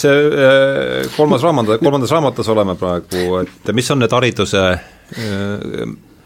me oleme siin nüüd tund aega olnud koos. jah, ja, ja oleme alles kolmanda raamatu oleme kolmanda ra-, mis tähendab, et kui me tahame selle raamatuga läbi saada, me peame ma arvan, et kolmas raamat keskenduma nüüd raamat, igal pool olulistele asjadele. kolmanda raamatu võib-olla see põhiline kolmandast raamatust ehk me võimegi kõige kiiremini üle minna, kuna ja. kolmas raamat laias laastus koosneb äh, Sokratese ideedest selle kohta, kuidas äh, me peaksime muutma äh, kultuuri põhimõtteliselt ikka? no põhimõtteliselt seda, mida lapsed õpivad mm äh, ja noored. ja noh, kuna tollane haridussüsteem laias laastus toetus ennekõike selliste klassikaliste äh, eepiliste poeetide nagu Homeros ja Hesiodos lugemisele, siis mida Sokrates äh, teeb, on see, et ta väidab, et see info, mida lapsed väikesest peale saavad, see kujundab nende karakteri välja ja seetõttu me peame hoidma silma peal sellel, mida nad õigupoolest loevad nendelt eepilistelt poeetidelt mm. -hmm. ja mi-, ja mida Sokrates siis välja pakub, on see, et me peaksime võtma need klassikalised algtekstid kätte ja hakkama neid revideerima. ehk siis kustutama mingisuguseid tekstikohti, kus jumalad käituvad ebamoraalselt, kus kangelased käituvad ebamoraalselt. siin on isegi veel sedasi, eks, et me peaksime seega keelama igasuguse luule, mis kujutab siis niisuguseid prominentseid inimesi, et need on siis äh, naeru poolt, et nad on kuidagi overcome by laughter, et nad kuidagi nagu ülemääraselt liiga palju naeravad, et noh, selles mõttes ähm, noh, et see on nagu tõesti nagu need, need, need kriteeriumid on kohati natuke nagu naljakad, aga mõte on tõesti selles, eks, et et noh, kui me mõtleme, räägime tänapäevast, on ju, need arvutimängud, mida sa mängid, need, need telesaated, mida sa vaatad, on ju, need koomiksid, mida sa loed, on ju, et noh, see kõik mõjutab seda, mida sa arvad, et mis on hea ja õiglane või kuidas peaks nagu elama, on ju. ja kui sul on kindel nägemus olemas, siis loomulikult sa tahad nagu mingid asjad ära keelata ja mingid asjad nagu, mingeid asju lubada. ja seda me ka ju tegelikult selles mõttes me teeme, on ju, me, me peame, seame igale poole ju vanusepiirangud ja nii edasi, et selles mõttes noh, nagu me, me, me, meie tänane riik mingis mõttes vastab sellele, sellele aluspõhimõtteliselt, erinevus on selles, eks, et me, meie siht on natukene teine, eks nii, aga ma saan aru, et siin on siis kehaline treening ja, ja muusika on, eks ole, olulised asjad. just, no see muusika alla sisuliselt lähebki see kogu see poeesia lugemine ja selle äh, imiteerimine äh,, kõik need nii et see ei ole see, see on muusika nagu rohkem see muusika väga, väga, väga palju laiemas mõttes, kui, kui silmas pidada, kui meie silmas peame, jah. aga noh, mida Platoni kaasaegsed kriitikud, noh, see on tavaliselt see esimene koht, kus nad äh, nii-öelda karvad turri ajavad, sest äh, sisuliselt, siin öeldakse seda, et äh, et riigivalitsejad äh, peavad äh, alustama oma riigi valitsemist tsensuuriga, ehk siis nii-öelda hakkama kustutama ära klassikalistes tekstides kohti, mis ei ole piisavalt nii-öelda voorust või loomutäiust kuidagi sisestavad noortele. ja noh,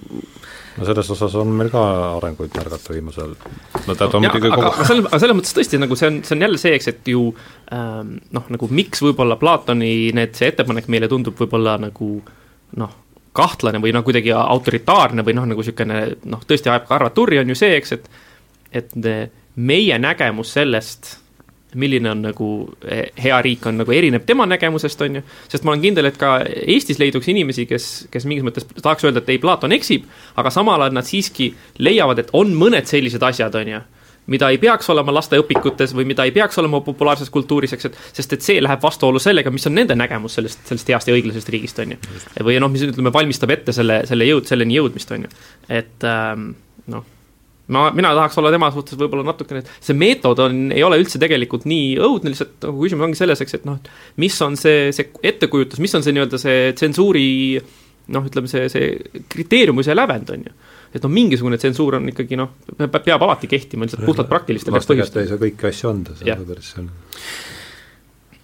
nii. jah, ja kolmas raamat siis põhimõtteliselt äh, päädib selle ideega, et kui nüüd, kui praegu seni räägiti ainult siis nendest valvuritest äh,, siis nüüd äh, Sokrates leiab, et noh, me peame suutma eristada need inimesed, kes on parimad, need nii-öelda lapsed, kes on parimad äh, kogu selles nii-öelda Mm, haritavate inimeste seltskonnas, kellel on kõige raskem äh, keda on kõige raskem kuidagi nende juba välja kujunenud vooruslikest hoiakutest nii-öelda kas siis kannatuse või veenmise kaudu ära meelitada, ehk siis kes on kõige sellised nii-öelda kindlama karakteriga. ja siis ta ütleb, et need, kes on kõige sellise kindlama karakteriga, neid hakkame nüüdseks nimetama siis valitsejateks. ja see ülejäänud seltskond siis äh, muutub siis selliseks sõjaväe äh,, sõjaväe noh, neid valitsejaid toota, toetavaks äh, sõdalaste selliseks ja, klassiks põhimõtteliselt. kui, kui me alguses oli lihtsalt valvurid äh, tervikuna see grupp on ju, siis nüüd on nagu see, et noh, ongi see, et meil on nii-öelda siis noh, need ähm, valvurid selles nagu sõna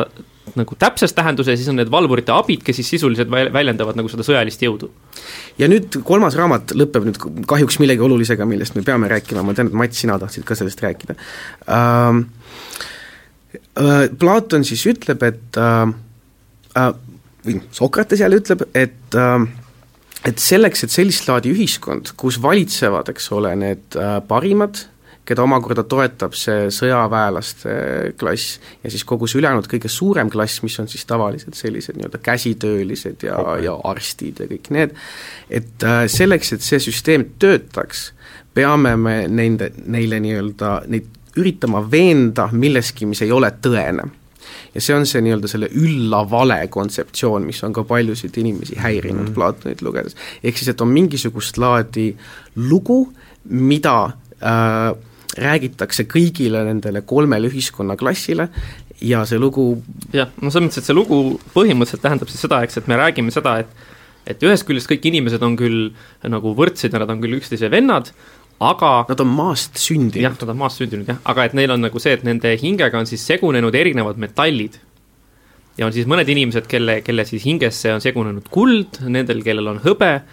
siis on pronks ja raud, on ju, vist on need neli eri erinevat, on ju. ja siis ähm, noh, see lugu või see müüt peaks siis andma selle nagu aluse, et noh, me ilmselgelt ütleme, et mõned metallid on paremad kui teised ja siis, kuna need inimeste hinges on see metall sees, siis see on see põhjendus miks me ütleme, ühed inimesed ütleme, et on mingis mõttes justkui nagu paremad ja kõrgemad ja teised jällegi madalamad. aga noh, samas on see, eks, et mida, mida Platon nagu siis nagu tunnistab või mida, mida ta jätab selles loos nagu lahtiseks, on see, eks, et et ei ole nii, et kuldsetele vanematele sünnivad ainult kuldsed lapsed või et ainult, või et pronksist vanematele sünnivad kuigi enamasti see on nii. no enamasti see on, aga selles mõttes jah, et nagu see nii-öelda nende klasside vahel liikumine on põhimõtteliselt avatud ja see lugu ongi nagu selles mõttes siis, et noh, puhtalt niisugune praktiline vajadus selle järele et inimesed ei hakkaks nagu kahtlema oma positsioonis, et nad võtaks nagu, et jah, mina olen siin nüüd see pottsepp ja ma teen seda pottsepa tööd ja, mul, mul ei olegi nagu mingisugust ambitsiooni või vajadust nagu kuskile nagu oma koha pealt ära turnida, et ajada see tasakaal sassi ja see on sellepärast, et ma nagu võtan omaks selle, et minu, minu hinges on üht laadi metall ja teiste inimeste hinges on nagu teistsugused laadi metallid, on ju. tõsi, ja see no, moodsal äh, inimesel on peaaegu väga raske seda, seda alla neelata. ei no ega seda, Platon möönab, et seda on ka juba Platoni aegsel inimesel päris raske alla neelata, aga et võib-olla läheb generatsioon-paar aega, enne kui inimesed seda uskuma hakkavad, aga selle asja kordan üle, kas ma õigesti, tähendab, ta ütleb, et selles mõttes on inimesed sarnased ja ühtsed, nad on kõik maas sündinud ja aga, mhm. aga see huvitav, et ma ju lugesin alles hiljuti seda, aga kuulen palju asju nagu esimest korda. see üllas vale on noh, suhteliselt selline korduv teema, kui Platonist räägitakse, sest selle asja mõte on see, et ühiskond tegelikult on üles ehitatud valele, eks ole, ja see vale antud juhul äh, noh, ta on üllas selles mõttes, et ta võimaldab selle ühiskonna äh, sellist laitmatut toimimist, kus ei hakka toimuma mingisugust sisemist no ta on juba valele, kui me võtame aluseks selle, eks, et me kõik tahaks selle sõrmusega siin niimoodi möllata, nagu pähe tuleb, et siis on ta tõepoolest ju kogu see asi valele no selles mõttes, et noh, nagu ma ei tea, et kui mõelda lihtsalt seda, et mis siis, mis see tänapäevane alternatiiv võiks olla, siis on see, et ma usun, et leidub inimesi, kes siiralt usuvad, et ka jutt sellest, et näiteks me, et kõik inimesed on võrdsed ja kõigil on võimalik midagi saavutada, on samasugune nagu üllas vale, mida on nagu vaja, eks. et, et noh, nagu, et me nagu mingis mõttes mm, ühiskond äh, õpetab kõigile, et äh, et ühesõnaga kõigil, kõigil on võimalus saavutada edu et see on see lugu, mida räägitakse, kuigi tegelikkus on see, eks, et seda edu osadel noh, on oluliselt nagu raskem saavutada, võib-olla üldse võimalik seda edu saavutada, on ju. aga kuna see lugu, mida räägitakse, on see, eks, et näed, et kui sa teed tööd ja oled tubli ja, ja, ja näed vaeva, siis sind, siis sind kannab edu, mis tähendab seda, et olukorras, kus sind ei kanna edu, siis sa saad öelda, et jah et, et süüdi ei ole nagu mitte maailm, vaid süüdi olen mina, eks, et noh, selles mõttes noh, sa võid, võiksid proovida siin nagu siis konstrueerida, et noh, et meil on ka mõned üllad valed, mida räägitakse, et kaitsta või et noh, et, et säilitada seda olukorda, kus me täna nagu oleme, on ju. jah, see on mõnes mõttes selle ülla vale see üllus on muidugi vaataja silmades no, paljuski, eks ole aga ülla vale põhiline selline eesmärk selles, ütleme, Platoni politeia kontekstis on legitimeerida seda nii-öelda äh, ühiskonnaklasside äh, Äh, nii-öelda teatavat allutatust üksteisele, eks ole, et see tõsiasi, et valitsejad valitsevad, on legitimeeritud nende selle valitsetavate klasside jaoks selle poolt, et neil on parem metall hinges. et nad on teatud mõttes loomu poolest paremad, kvaliteetsemad teatavaid asju tegema ja seetõttu nad ei hakka mässama, seetõttu ei teki äh, seda, mida Platon ja Sokrates peavad kõige halvemaks asjaks, miks võib polises juhtuda, on, et ei teki kodusõda ehk siis igaüks teab oma kohta ja ta teab, noh, ta teab oma kohta paradoksaalsel viisil küll tuginedes sellele üllale valele, aga see üllas vale selles mõttes ei ole vale Platoni meelest, et inimesed tulevad väga erinevate intellektuaalsete selliste võimekustega siia maailma. ja see paljud võib-olla küll ei nõustuks sellega, et nemad kuuluvad X või Y klassi, aga kui me räägime selle ülla vale, ehk siis meil on need metallid hinges, siis inimesed on no rohkem valmis möönma seda, et jah, mina nii-öelda kuulungi võib-olla näiteks selliste sõjameeste klassi mm. või mina kuulungi tootjate klassi ja see ongi õiglane, et mind valitsetakse ja et ma nii-öelda allun sellele autoriteedile, mis on siis nendel äh, vali-, valitsejate klassil, eks ole. ja ja teine aspekt selle asja juures on see, et need metallid on tõesti kõik maast sündinud, ehk nad on kõik sugulased. et me oleme kõik omavahel teatud nii-öelda fundamentaalses mõttes sugulased, mis ka omakorda peaks seda nii-öelda äh, kodusõja ohtu kuidagi mahendama selles mõttes. et me oleme küll kõik sugulased, me oleme kõik õed ja vennad, aga osad meist on nii-öelda,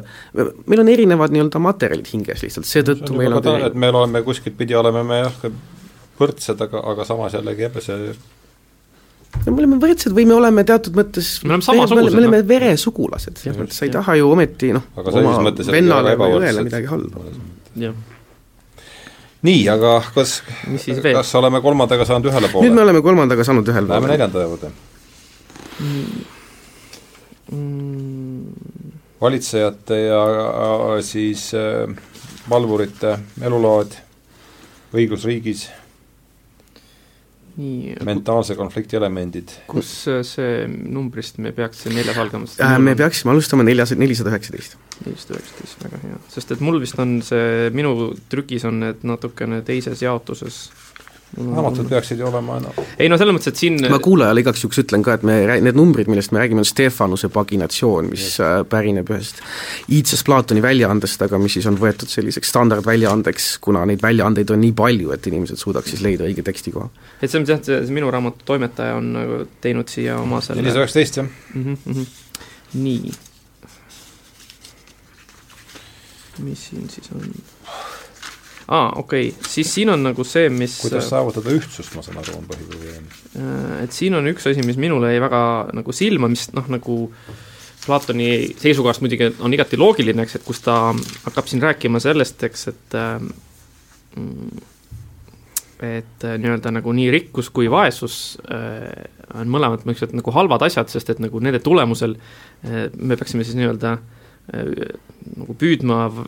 vähendada just nagu niisugust innovatsiooni ja teisest küljest siis, et ähm, äh, me peaksime vähendama siis niisugust äh, äh, ma ei tea, siis niisugust, ma ei teagi, laiskus on halb sõna, aga niisugust nagu ühesõnaga, et mõte on selles, eks, et me, me, kui see eesmärk on hoida ühiskond võimalikult äh, sellisena, nagu ta on, eks, ja nii kui me lubame nagu mingisuguseid muutusi, et siis eh, noh, nagu kui inimesed hakkavad välja mõtlema, kas uuemaid ja vägevamaid viise, kuidas midagi toota või kuidas midagi leida, leiutada või kuidas midagi nagu millestki mõelda, on ju, et siis see on alati nagu oht sellele, et see, see kehtestatud kord nagu hakkab nagu vankuma ja see kuni läheb kuni selleni välja, eks, et ka nagu nende inimeste arv, kes meil seal selles on, et see peaks nagu enam-vähem jääma nagu samaks, et me ei tohiks nagu leida end olukorras, kus meid on nagu liiga palju aga samas ka nagu selles olukorras, kus meid on liiga vähe, sest noh, kui meid on liiga vähe, siis on nagu osa funktsioone tuleb inimestele üle võtta ja see nagu jälle segab seda ähm, harmooniat, aga teisest küljest on ju tõesti see, eks, et mul jäi väga hästi selgeks, et ja et, et nagu, et innovatsioon on ikka nagu äh, halb, sest et noh, me eeldame, Platon eeldab, eks, et see, see riik, mida ta on kirjeldanud, on, on täiuslik ja kui miski on täiuslik, siis loomulikult muutus äh, on, on halb, eks. et aga noh, meie, meie seisukohast täna, täna seda vaadates on küll nagu natukene naljakas, eks, et mõelda, et et noh, just, et meil ju innovatsioon ometigi on ju kõige parem asi. ei saa ju üldse ilma inno-, innovatsioonita hakkama. võib-olla noh, mina siin äh, antiikfilosoofi uurijana tahan pidevalt mööda teksti minna, et ma kohe selle neljanda raamatu alguses on võib-olla oluline see, et Uh, mida me jätsime mainimata, et kolmandas raamatus öeldakse selgelt selle valitseja klassi, valitsejate klassi kohta, et nemad on sellised, kellel ei ole eraomandit ühesõnaga, ülejäänud see tootjate mhm. klassil on eraomand, aga, aga valitsejate klassil ei ole eraomandit. ja nad elavad kõik koos sellistes barakkides põhimõtteliselt ja, ja, ja neil ei ole perekonda ja nii edasi. ja sisuliselt nad äh, elavad siis selle eest, mida neile ülejäänud äh, äh linn, riik või polis siis maksab. ja mille peale siis äh, mille peale siis Adeimantus küsis, et noh, et, et kuule, et Sokrates, et sa äh, sa lubasid ju teha õnneliku ja õiglase riigi meile konstrueerida siin, aga need inimesed ei tundu õnnelikud. ehk siis need inimesed, kes elavad ilma eraomandita, kellel ei ole perekonda, kes on teatud mõttes, kelle peamine funktsioon on teisi valitseda. Äh, ja noh, nagu hiljem välja tuleb, ega nad ei taha teisi valitseda, nad on lihtsalt sunnitud teisi valitsema, nad pigem teeks midagi muud. ja siis Sokrates ütleb midagi väga olulist, nimelt seda, et äh, et sa ei vaata tervikut, sa vaatad ainult ühte osa sellest ühiskonnast, et samamoodi kui me, kui me värviksime mingisugust kuju ja me värviks, värviksime selle silmad näiteks mustaks või mida iganes ähm,, et siis me ei värviks seda osa võib-olla kõige ilusamat värvi, aga kogu see tervik seetõttu oleks ilus. ja see on nüüd just see, mis, äh, mis näiteks Popperile ja teistele sellistele Platoni kriitikutele on, on äh, pinnuks silmas? väga suureks pinnuks silmas on see, et antud juhul mingisuguse konkreetse seltskonna heaolu ja õnn ohverdatakse kogu selle ülejäänud nii-öelda struktuuri äh, heaoluks ja õnneks. ja siin siis paradoksaalsel kombel just valitsejate just nimelt, heaolu ohverdatakse. et see, see, kelle heaolu ohverdatakse, on just nimelt need valitsejad ja noh, siin võib küsida, et kas, kas ja kuivõrd on tegu sellise äh, autoritaarse kontseptsiooniga, et äh, Popper räägib Platoni puhul sellisest superindiviidist. et meil on, eks ole, palju indiviide, kes elavad riigis, aga riik ise on superindiviid. ja mõnes mõttes Plat-, Popper siis süüdistabki Platonit selles, et äh,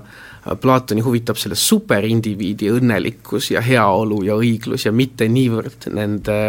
nende üksikute ühiskonnaklasside ja nende liikmete heaolu ja õiglus. ja nüüd omamoodi suur küsimus on see, et kas Popperi selline kriitika on õigustatud, aga see, see nii-öelda kuju äh,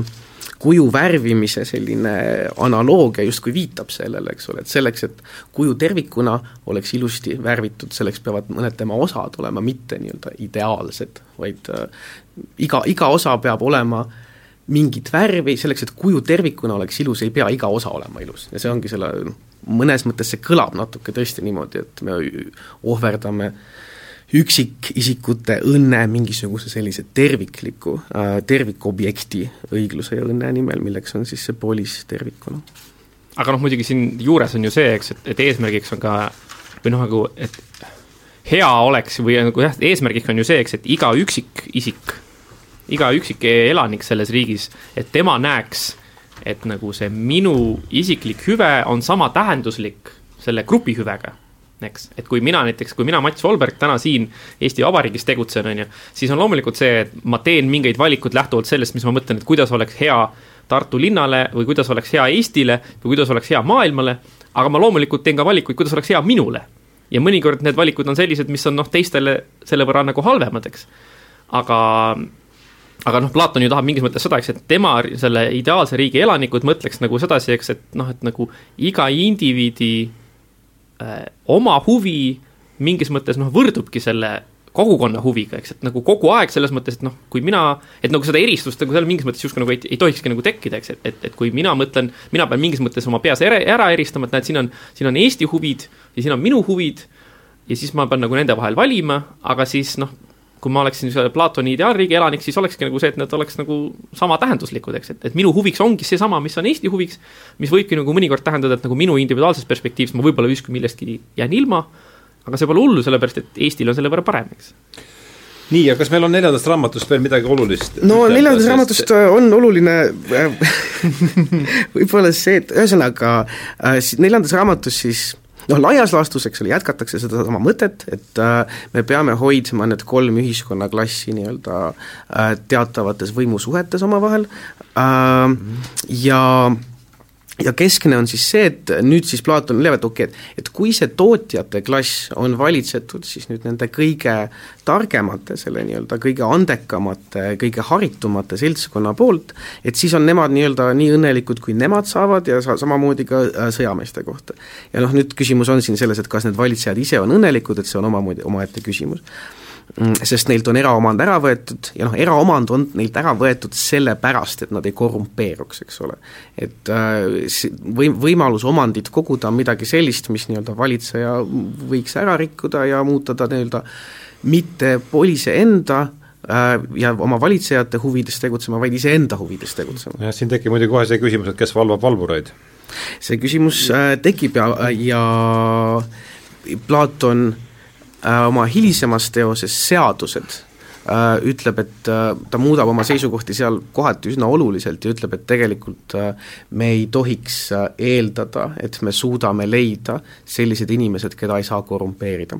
Ja et noh, võimaluse leiab alati ja ta hiljem pakub välja hoopis teistsuguse ühiskonnakorralduse, kus, mis ei ole nii-öelda valitsejate baasil, eks ole, et sul on ideaalsed valitsejad, vaid see on pigem nii-öelda seaduste baasil, et sul on seadused, mida tuleb järgida ja nii edasi, mis on omakorda teine suur selline äh,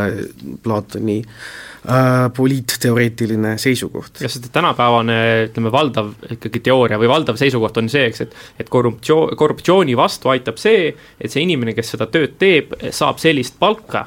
et tal ei oleks nagu motiivi võtta äh, seda altkäemaksu või, või pistist, on ju. Aga noh, Platon ütleb, eks, et ei, ei, kui me teeme nii, et need inimesed üldse ei saagi midagi omanda peale, siis umbes ongi, et noh, need riided, mis neil seljas on, et siis noh, kui neil ei olegi võimalik midagi omada, siis ei ole ka neile eriti millegagi altkäemaksu pakkuda.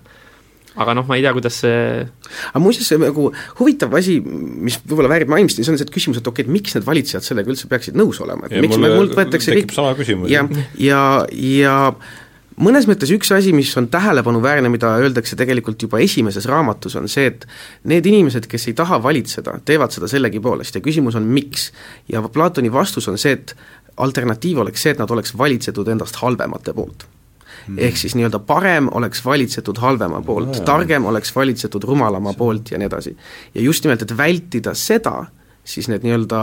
noh, see on üks neid motiive, mis ajend-, võiks ajendada siis neid nii-öelda valitsejaid võtma vastu seda konkreetset tööotsa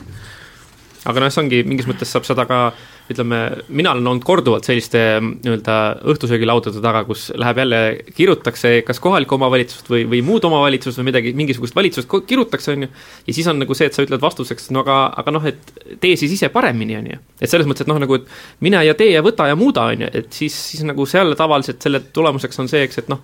leitakse mingi põhjus, miks mitte ise sellesse protsessi nagu sekkuda, on ju. et noh, nagu kui me, kui me Platoni sõnu kuulaksime, siis on nagu see, et kui sa, kui sa siiralt usud, et sa oled parim ja sa leiad, et sind valitsevad need, kes, kes ei ole parimad, siis sa mingis mõttes nagu isegi siis, kui sa nagu kuidagi jälestad seda võimu ja, ja poliitikas olemist, siis sa selle, sellegipoolest peaksid nagu sinna, sinna nagu minema. ja see on muuseas noh, Platon korduvalt läbi raamatu kirjeldab äh, neid valitsejaid, eks ole, ja ta ütleb just nimelt täpselt seda, mida Mats ütles, nad jälestavad võimu, nad jälestavad seda, mida nad tegema peavad. aga nad teevad seda noh, just nimelt sellel põhjusel, et mitte olla endast halvemate poolt valitsetud ja teiseks selleks, et see on polise, polise jaoks parim, kui nemad valitsevad. sest et siin jällegi see, eks, et kui, kui neil puudub nagu see võimu iha, siis neil on nagu ka noh, jällegi neil on nagu vähem põhjust kalduda kõrvale sellest, mis, mis on nagu kõigile hea, eks, et noh, ongi see, et nad ei, nad ei valitse mitte sellepärast, et neile meeldib olla võimul, vaid nad valitsevad sellepärast, et noh, noh peab, on ju, selle peab keegi ära tegema, on ju. Okei okay,, aga tõmbame selle neljanda raamatuga võib-olla otsa kokku, sest äh, see on, ühesõnaga äh, mõnes mõttes, mõnes mõttes Platon slaš Sokrates jõuab oma küsimusele või ütleme, selle Glaukoni väljakutsele, et miks olla õiglase, õiglane äh, esimese vastuseni just nimelt neljanda raamatu lõpus on see, et ta arvab, Sokrates väidab, et need, ühesõnaga, et me leiame need voorused, millest juttu on, õiglus, mõõdukus äh,, vaprus. vaprus ja tarkus, sellisest laadi ühiskonnast. ja kui nii-öelda see tootjate klass on äh, siis valitsetud nende poolt, kellel on selleks vastav ekspertiis, teadmised ja nii edasi, siis see, see on see on äh, äh, me võime öelda, et sellist laadi ühiskond on mõõdukas, kuna ta ei lase nendel nii-öelda äh, alumistel osadel, kellel on äh, igasuguseid ihasid ja nii edasi, ei lase neid välja tulla. siin hakkab, eks ole, see riigi või polise kolmeosane struktuur just, mängima just, selle hinge kolmeosalise struktuuri vastu, et see on mul meeles, jah. Ja, ja noh, samamoodi siis, eks ole, et me leiame sellisest laadi ühiskonnast vapruse, kuna sellist laadi kasvatuse saanud sõjaväelaskond on vapper, kuna neil on need nii-öelda tõesed uskumused selle kohta, mida karta ja mida mitte karta, mis on Platoni meelest politeias vaprus. ja siis ja viimaks no, on meil filosoofid, on ju, kes siis ei, need ei ole veel filosoofid no,, nad veel ei jah, ole. Sorry, jah, veel ei ole filosoofid. Need nii-öelda vali-, valitsejad, kes siis on targad, kuna nad on nii-öelda keskendunud ennekõike just nimelt mingisugust laadi sellise ekspertiisi omandamisele ja kogu see kompleks on siis õiglane kuna seal on see nii-öelda õiglane struktuuriline hierarhia paigas, igaüks teeb seda, mida ta peab tegema, igaüks kuulub sinna, kus ta kuulub. ja siis äh, noh, Sokrates ütleb, et okei okay,, et me oleme nüüd leidnud üles õigluse suure pildi peal, eks ole, selle ühiskonna pildi peal, ja kuna ka hinges on kolm osa, siis põhimõtteliselt õiglane hing on täpselt paralleelne siis selle õiglase riigiga. ehk siis õiglases hinges on see nii-öelda kõige madalam hingeosa, on siis kontrollitud selle kõige kõrgema hingeosa poolt ja samamoodi siis see nii-öelda söakas või see keskmine hingejagu on siis õige, õig-, õigesti pooldab seda ratsionaalset ja mitte ei lähe üle nii-öelda selle äh, selle ihaleva hingejao poolele, et see, ja selline hing, kus on see enesekontroll, tarkus ja vaprus on kõik olemas, et see ja, ja see hing on kontrollitud just nimelt selle targa hingeja poolt, et selline hing on õiglane. ja noh, mõnes mõttes selle asja mõte on see, et nagu äh, õiglane riik on ehitatud üles selliseks, sellisena, et ta oleks ühtne, et ei oleks seesmist hõõrumist, et tekiks kodusõda, eks ole, kus nii-öelda verd lendab ja kõik läheb väga halvasti äh,, siis samamoodi õiglane hing on selline, mis on stabiilne. mis äh,, kus ei ole, et kord on, jääb peale see nii-öelda hingeosa, mis kangesti tahab suitsetada, kord jääb äh, see hingeosa peale, kes, kes tahab hoopis lugeda Platonit ja nii edasi, vaid see hing on stabiilne, seal on võimusuhted paigas ja, ja seetõttu selline hing on õnnelik. sest ta ei ole domineeritud erinevate osade poolt, ei ole sellist seesmist kodusõda sellises inimeses. ja Platoni keskne point ongi mõnes mõttes see, et tavaline inimene, kes ei ole õiglane, kellel ei ole neid loomutäiusi, on, on pideva seesmise kodusõja tingimustes tal on erinevad nii-öelda väärtused, kord on üks peal, kord on teine peal ja seetõttu ta ei saagi elada sellist harmoonilist elu. no kena, aga lähme nüüd viienda juurde edasi, seal on nüüd minule, sealt on üht-teist meelde jäänud mulle, et see yes. hipidlik aspekt oli jah, seal on nagu äh, selles mõttes, et tekib nagu niisugune ühesõnaga kerkib üles nagu küsimus mingis mõttes, eks, et okei okay,, et et kas see kirjeldatud maailm või kirjeldatud liik ikkagi nagu on õiglane ja kuidas mingis mõttes seda nagu ka äh, jällegi äh, hoida nagu ülal ja siis esimesena on ju vaja lahendada see nii-öelda see naiste küsimus. mille osas, mille osas nagu noh, põhimõtteliselt äh, Platon arutleb nagu sedasi, eks, et et noh, kui kõik peavad tegema seda, mis on nende, nende loomusele vastav, et siis äh, noh, nad hakkavad võrdlema, et noh, et kas, noh, kui me võrdleme naisi ja mehi, et noh, on selge, eks, et äh, et on nagu erineva loomusega naisi ja erineva loomusega mehi, aga küsimus sellest, kas naiste ja meeste vahel on mingisugune nagu fundamentaalne nagu loomuslik erinevus ja nad jõuavad põhimõtteliselt järelduseni, eks, et, et naiste ja meeste kui niisuguste vahel ainus tõeline erinevus on ikkagi nagu see füüsilises jõus on küsimus, on ju. et, et noh, nagu, et ei, ei saa öelda nii, eks, et, et nagu, et naised kogu kollektiivselt on ainult sobi, sobilikud oma, oma loomuse poolest ühele asjale ja mehed vastupidi teisele ja siis sellest nagu järeldab seda, eks, et, et noh, kui peaks ilmnema, et, et leidub naisi, kelles avalduvad need õiged äh, iseloomuomadused, siis ka nemad teeme valitsejateks ja teeme nad ka sõduriteks ja teeme nad tootjateks vastavalt, et selles mõttes noh, nagu noh, jällegi, kui mõelda nagu selle peale, et no et, et kui kaua nagu võttis aega, ütleme lääne ühiskonnas vähemalt see, eks, et naisi võeti ähm, äh, noh, samamoodi võrdselt, on ju, ja mõni inimene võib-olla arvab, et siiamaani ei võeta tõsi, tõeliselt võrdselt, eks. Et siis noh, meil on siin Platon, kes tõesti juba nagu väga varakult selles mõttes ütleb, et näete,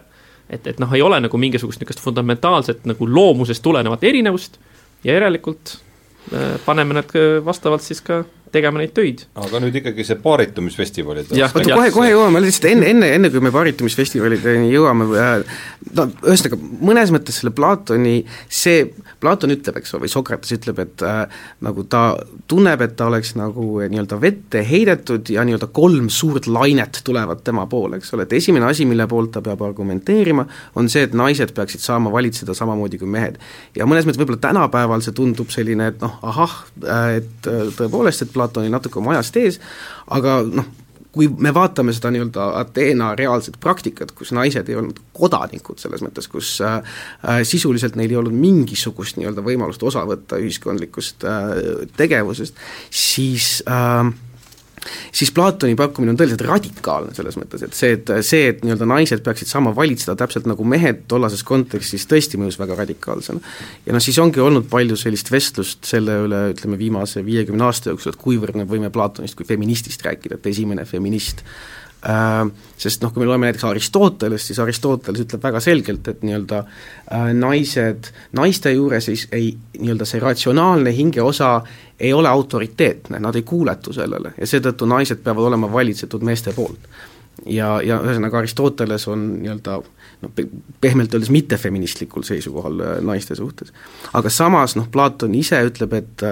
et kui vaadata üleüldiselt, siis enam nagu mehed teevad üldiselt asju alati paremini kui naised. aga see ei tähenda, et paljud naised ei teeks asju paremini kui paljud mehed. noh, nii-öelda lihtlabaseks femi-, nagu äh, lihtlabaselt, ühemõtteliselt teda kindlasti feministiks selles kontekstis pidada ei te-, saa ja sellepärast ongi selle üle hästi, hästi palju äh, vaidlust olnud viimasel ajal. aga okei okay, äh,, paaritumisfestivalid siis et noh, selles mõttes, et see, see, see peegeldab nagu selle kuulamis, lugejate peale ka mõt-, või kuulajate peale ka ikka mõtlema. ei no selles mõttes, et küsimus on ju selles, eks, et, et kui, äh, kui eelnevalt me juba nagu tuvastasime selle, eks, et nendel valitsejatel ei ole eraomandit, on ju, siis nüüd mingis mõttes noh, nagu laiendatakse sedasama mõtet edasi ja siis lihtsalt nagu välistatakse mm, ka nii-öelda siis nagu era- või, või, või privaatsete abielude ja, ja perede asi. et siis ongi nagu see, eks, et, et nagu eh, kõik, kõik naised ja kõik mehed on siis nagu ühised ja kõik lapsed on ka nagu ühised. et seal eh, tõesti ta kirjeldab erinevaid eh, loteriisid ja muid protsesse, kuidas siis tehakse kindlaks, et, et, et pannakse siis inimesed nagu nii-öelda äh, omavahel paarituma ja siis, et, et kui toimub sünnitamine, et siis äh, need lapsed viiakse emade juurest ära või et hoitakse neid emade juures ainult nii kaua, et neil ei tekiks nagu seda äh, liialt tugevat isiklikku seost ja siis umbes ongi see, eks, et mehed nimetavad kõiki neid lapsi, kes on äh, piisav arv kuid pärast seda, ähm, seda, seda rituaali sündinud, kõiki neid nimetavad oma, oma poegadeks ja noh, osa, osalt see nagu teenibki ju seda eesmärki, eks, et, et mm -hmm. mida vähem on neid Äh, individuaalseid privaatseid sidemeid, ähm, seda suurema tõenäosusega sa ikkagi nagu tegutsed ja mõtled sellele tervikule, eks. ja see on ühtsuse nii-öelda nimel ja, ja no ja mingil määral tuleb mul Engels siin kohe see perekonna ja eraomandi kaotamine natukene jookseb siit, sa, sa ei ole esimene, kellel see võrdlus pähe tuleb. et äh, jah, mõned on Platonit lugenud sellise esimese, esimese äh, kommunistina ka, esimene feminist, esimene kommunist mm, -hmm. esimene fašist Popperi järgi ja nii edasi, et noh, et siin on nii-öelda tõlgendamisvõimalusi tüvi on suur, eks. on ohtralt. aga noh, selles mõttes minu meelest on see, see mõte, see mõte on ju ilmselgeks, et jällegi, kui me mõtleme tagasi sellele, et noh, et kui ma teen oma valikuid, on ju, elus, et siis noh, ma tihti äh, noh, ma eelistan oma lähedasi, oma pere äh, teistele inimestele, isegi siis, kui see nii-öelda see lisahüve, mis ma oma perele teen, noh, on nagu suhteliselt väiksem võrreldes sellega, mis ma võiks kellelegi teisele teha, eks. ja see ongi sellepärast, et noh, ma pean neid inimesi enda jaoks oluliseks. kui nüüd nende inimeste ring, keda ma pean enda jaoks oluliseks, oleks palju suurem siis ma ilmselgelt kohe käituksin ka teistmoodi, et selles mõttes noh, see on, see selle, selle nii-öelda selle ühtsuse saavutamise eesmärgil on see mingis mõttes Platonile vajalik, eks ta selle, selle perekonna vähemalt selles valitsejate klassis nagu selles mõttes siis äh, kaotab ära, on ju. ja, aga siit tuleb muidugi jälle tähele panna seda, et see, et tõepoolest, et äh, et äh, see nii-öelda paaritumine äh, kui see tohib inimest, vist tohib öelda äh,, see, kuidas see toimub, need loteriid et need loteriid on tegelikult manipuleeritud mm. -hmm. ja see on nagu jälle koht, kus tegelikult äh, põhimõtteliselt kogu ühiskond arvab midagi väärat, sest mis, mis toimub, on see, et äh, ürit- et nii-öelda süsteem tahab ko-, pak-, panna kokku omavahel parimad isendid aga äh, nii nad seda nii-öelda välja öelda ei saa ja seetõttu tehakse siis see nii-öelda loterii, mis on manipuleeritud, inimesed usuvad, et see loterii, paaritumisloterii on siis, äh, on siis aus, aga tegelikult ei ole, see viib kokku inimesed, kes võivad saada parimaid järglasi. ja siin on just nimelt jälle see koht, kus äh, Äh, kus mitte kom-, kommunistlikud mõtted ei tule, vaid pigem tuleb pähe selline Saksamaa kolmekümnendad, neljakümnendad, selline eugeenikaprojekt ja, ja nii edasi, eks ole. et äh, aga selle asja mõte on nii-öelda toota parimaid inimesi, viies kokku nii-öelda, viies kokku parimad inimesed et äh, see, ütleme, kaasaegsetele lugejatele on võib-olla olnud üks asi, mida on, mida on suhteliselt raske alla neelata. ja siin on muidugi omakorda siis see, see, see omakorda veel on see, eks, et nad ju panevad ka paika selle nii-öelda äh, Äh, et, et siin või noh, panevad paika, et ta, ta pakub välja, et mis on see meeste ja naiste viljakas iga ja siis noh, et selle ea, selle ea sees me siis nii-öelda nagu kasutame neid selleks, et siis parimat toodaks parimaid, aga et siis jah, et nagu pärast seda nad siis tõesti võivad justkui nagu, pärast seda iga nad justkui võivad teha mida iganes, aga eks, et me, me siis püüame neile nagu Äh, väga oluliselt teha selgeks selle, et oleks parim igasugune äh, siis rasestus katkestada, juhul kui see peaks nagu äh, nii-öelda siis noh, aset, aset leidma, ehk et kui, kui sa oled nii-öelda sellest sobivast east väljas, siis sa justkui nagu võid noh, astuda suguühtesse kõik, ükskõik kellega, aga samas nagu sulle tehakse selgeks, et oleks väga oluline, et sa ei laseks sellest kedagi sündida, sest et noh, see on justkui nagu väljaspool seda ette nähtud piiri, on ju. et noh see on jällegi niisugune nagu ja, väga, väga veider, niisugune meie jaoks väga veider, et tõesti öeldakse, et noh, et kuidagi nagu, et, et noh, sa, sa ei kõlba sünnitama justkui nagu või et noh, sa ei kõlba lapsi saama, et see ei no riigil nagu... on kontroll või selline süsteemil on kontroll kõige üle põhimõtteliselt. see on ikka selles mõttes kõige... totalitaarne no, pop, Popperi süüdistus selles, et see on totalitaarne süsteem, ei, ole nüüd õhust vähemasti viienda ja, ja ongi see, et kontrollitakse mingis mõttes kõik, aga sellega ongi see, et see kogu kontroll käib selle nimel, et oleks ühtne. et kõik oleks õnne, kõik, et oleks kõik maksimaalne õnnelikkus, jah. ja, uh, ja noh, see mõnes mõttes ongi küsimus, eks ole, et, et äh, et kui nüüd meil on see olukord, kus need valitsevad klassid kontrollivad kõiki ülejäänusid, need valitsevad klassid ise on samuti süsto-, süsteemi poolt nii kontrollitud umbes nende, nende seksuaaleluni välja ja nii edasi, et äh, aga kui seda kõike teeb nii-öelda see nii-öelda valitseja, kes teab, mis on hea selles mõttes siis see küsimus on see, et, et et kui see on parim, mis neile on, et siin on see mõnes mõttes see nii-öelda Platoni väljakutse tänapäeva eh, poliitfilosoofilisele mõtlemisele, et aga mis siis selle juures valesti on? kui kõik saavad parima, mis võimalik on, siis mis, mis siis nüüd häda on mm? -hmm. ja siis ongi noh, erinevad intuitsioonid, et, et noh, kui ennast Popperit ennast lugeda, siis Popper arvab, et sellist laadi teadmine lihtsalt ei ole võimalik, et me oleme kõik ekslikud ja seetõttu on meil vaja teistsugust süsteemi. aga kui see teadmine sellisena oleks võimalik, siis noh, ma ei tea, mida Popper kostaks. ja või, või, või meil on mõnes mõttes sellist, selline tunne, et see, kui minu eest kõik ära otsustatakse, ei ole inimlik elu, et see, mis teeb nii-öelda tõeliselt inimlikku elu, on mingisugust laadi autonoomsus, mingisugust laadi nii-öelda Dostojevskilik vastuargument, et ja, kui mind pannakse sinna lauta elama ja kõht täis söödetakse, et see ei tee mind tingimata õnnelikuks. ei no ta teeb sind, mõnes, mõnes mõttes see õnnelikkus, mida sa saad, kuna valitsejad on nii-öelda, teavad, mis sulle hea on, on maksimum õnnelikkus, mida sa saada saad. Küsimus on pigem selles, mul tuleb meelde esimesel kursusel üks minu äh, kursusekaaslane, kui meie käest küsiti, et okei okay,, mis siis valesti on selles süsteemis, siis ta äh, tsiteeris Viidingut ja ütles, et me tahame õigust olla õnnetud. ja et see on midagi sellist, mis äh,, mis on mm. puudu, eks ole, nendel inimestel ei ole isegi võimalust olla õnnetud, nad on nii-öelda äh, mõnes mõttes neetud õnnelikuks olemisele. ja aga teistpidi jällegi, kui mõtled selle peale, et noh, kui me, eriti kui me mõtleme näiteks tänapäeva maailma peale ja selle peale, kui palju meil on ressursse igasuguseid asju teha, on ju, et siis ma olen kindel, et Eestis täna on inimesi, kelle, kes mingis mõttes nagu noh, nagu ei ela õnnelikku elu selle tõttu, et eh, nad on omakorda nagu sunnitud valima ja ise oma tee leidma ja ise oma selle nagu noh, selle elu, elule mingisuguse mõtte või sihi andma, eks. et kui mingis mõttes sa kasvad üles süsteemis, kus sa tead, et näed, et inimestel on mingid kindlad rollid, sa täidad neid funktsioone ja siis sa nagu noh, ongi see, eks, et sa, sa kasvad selles süsteemis üles ja siis ongi see, et sa, näed, et minu elu mõte on neid rolle täita eh, või, või ühte nendest rollidest täita ja siis sul on nagu see, see siht on nagu palju lihtsam, et sa nagu mingis mõttes noh, see samamoodi võib olla teistpidi, eks, et see see valikuvabadus võib olla ka nagu koorem, on ju, vähemalt kuni mingi piirini, eks, et noh, selles mõttes see on noh, ma ei, ei ole kerge öelda, et ühtpidi on täielikult hea ja teistpidi on täielikult hea, sest et inimesed on noh, nagu saavad erinevalt hakkama nendes olukordades, eks, et mõni võib-olla võtaks hea meelega, eks, et et noh, et ütle mulle siis nüüd, kuidas olla. ütle mulle, kuidas elada, eks, teine tahab öelda, et tahab ise nagu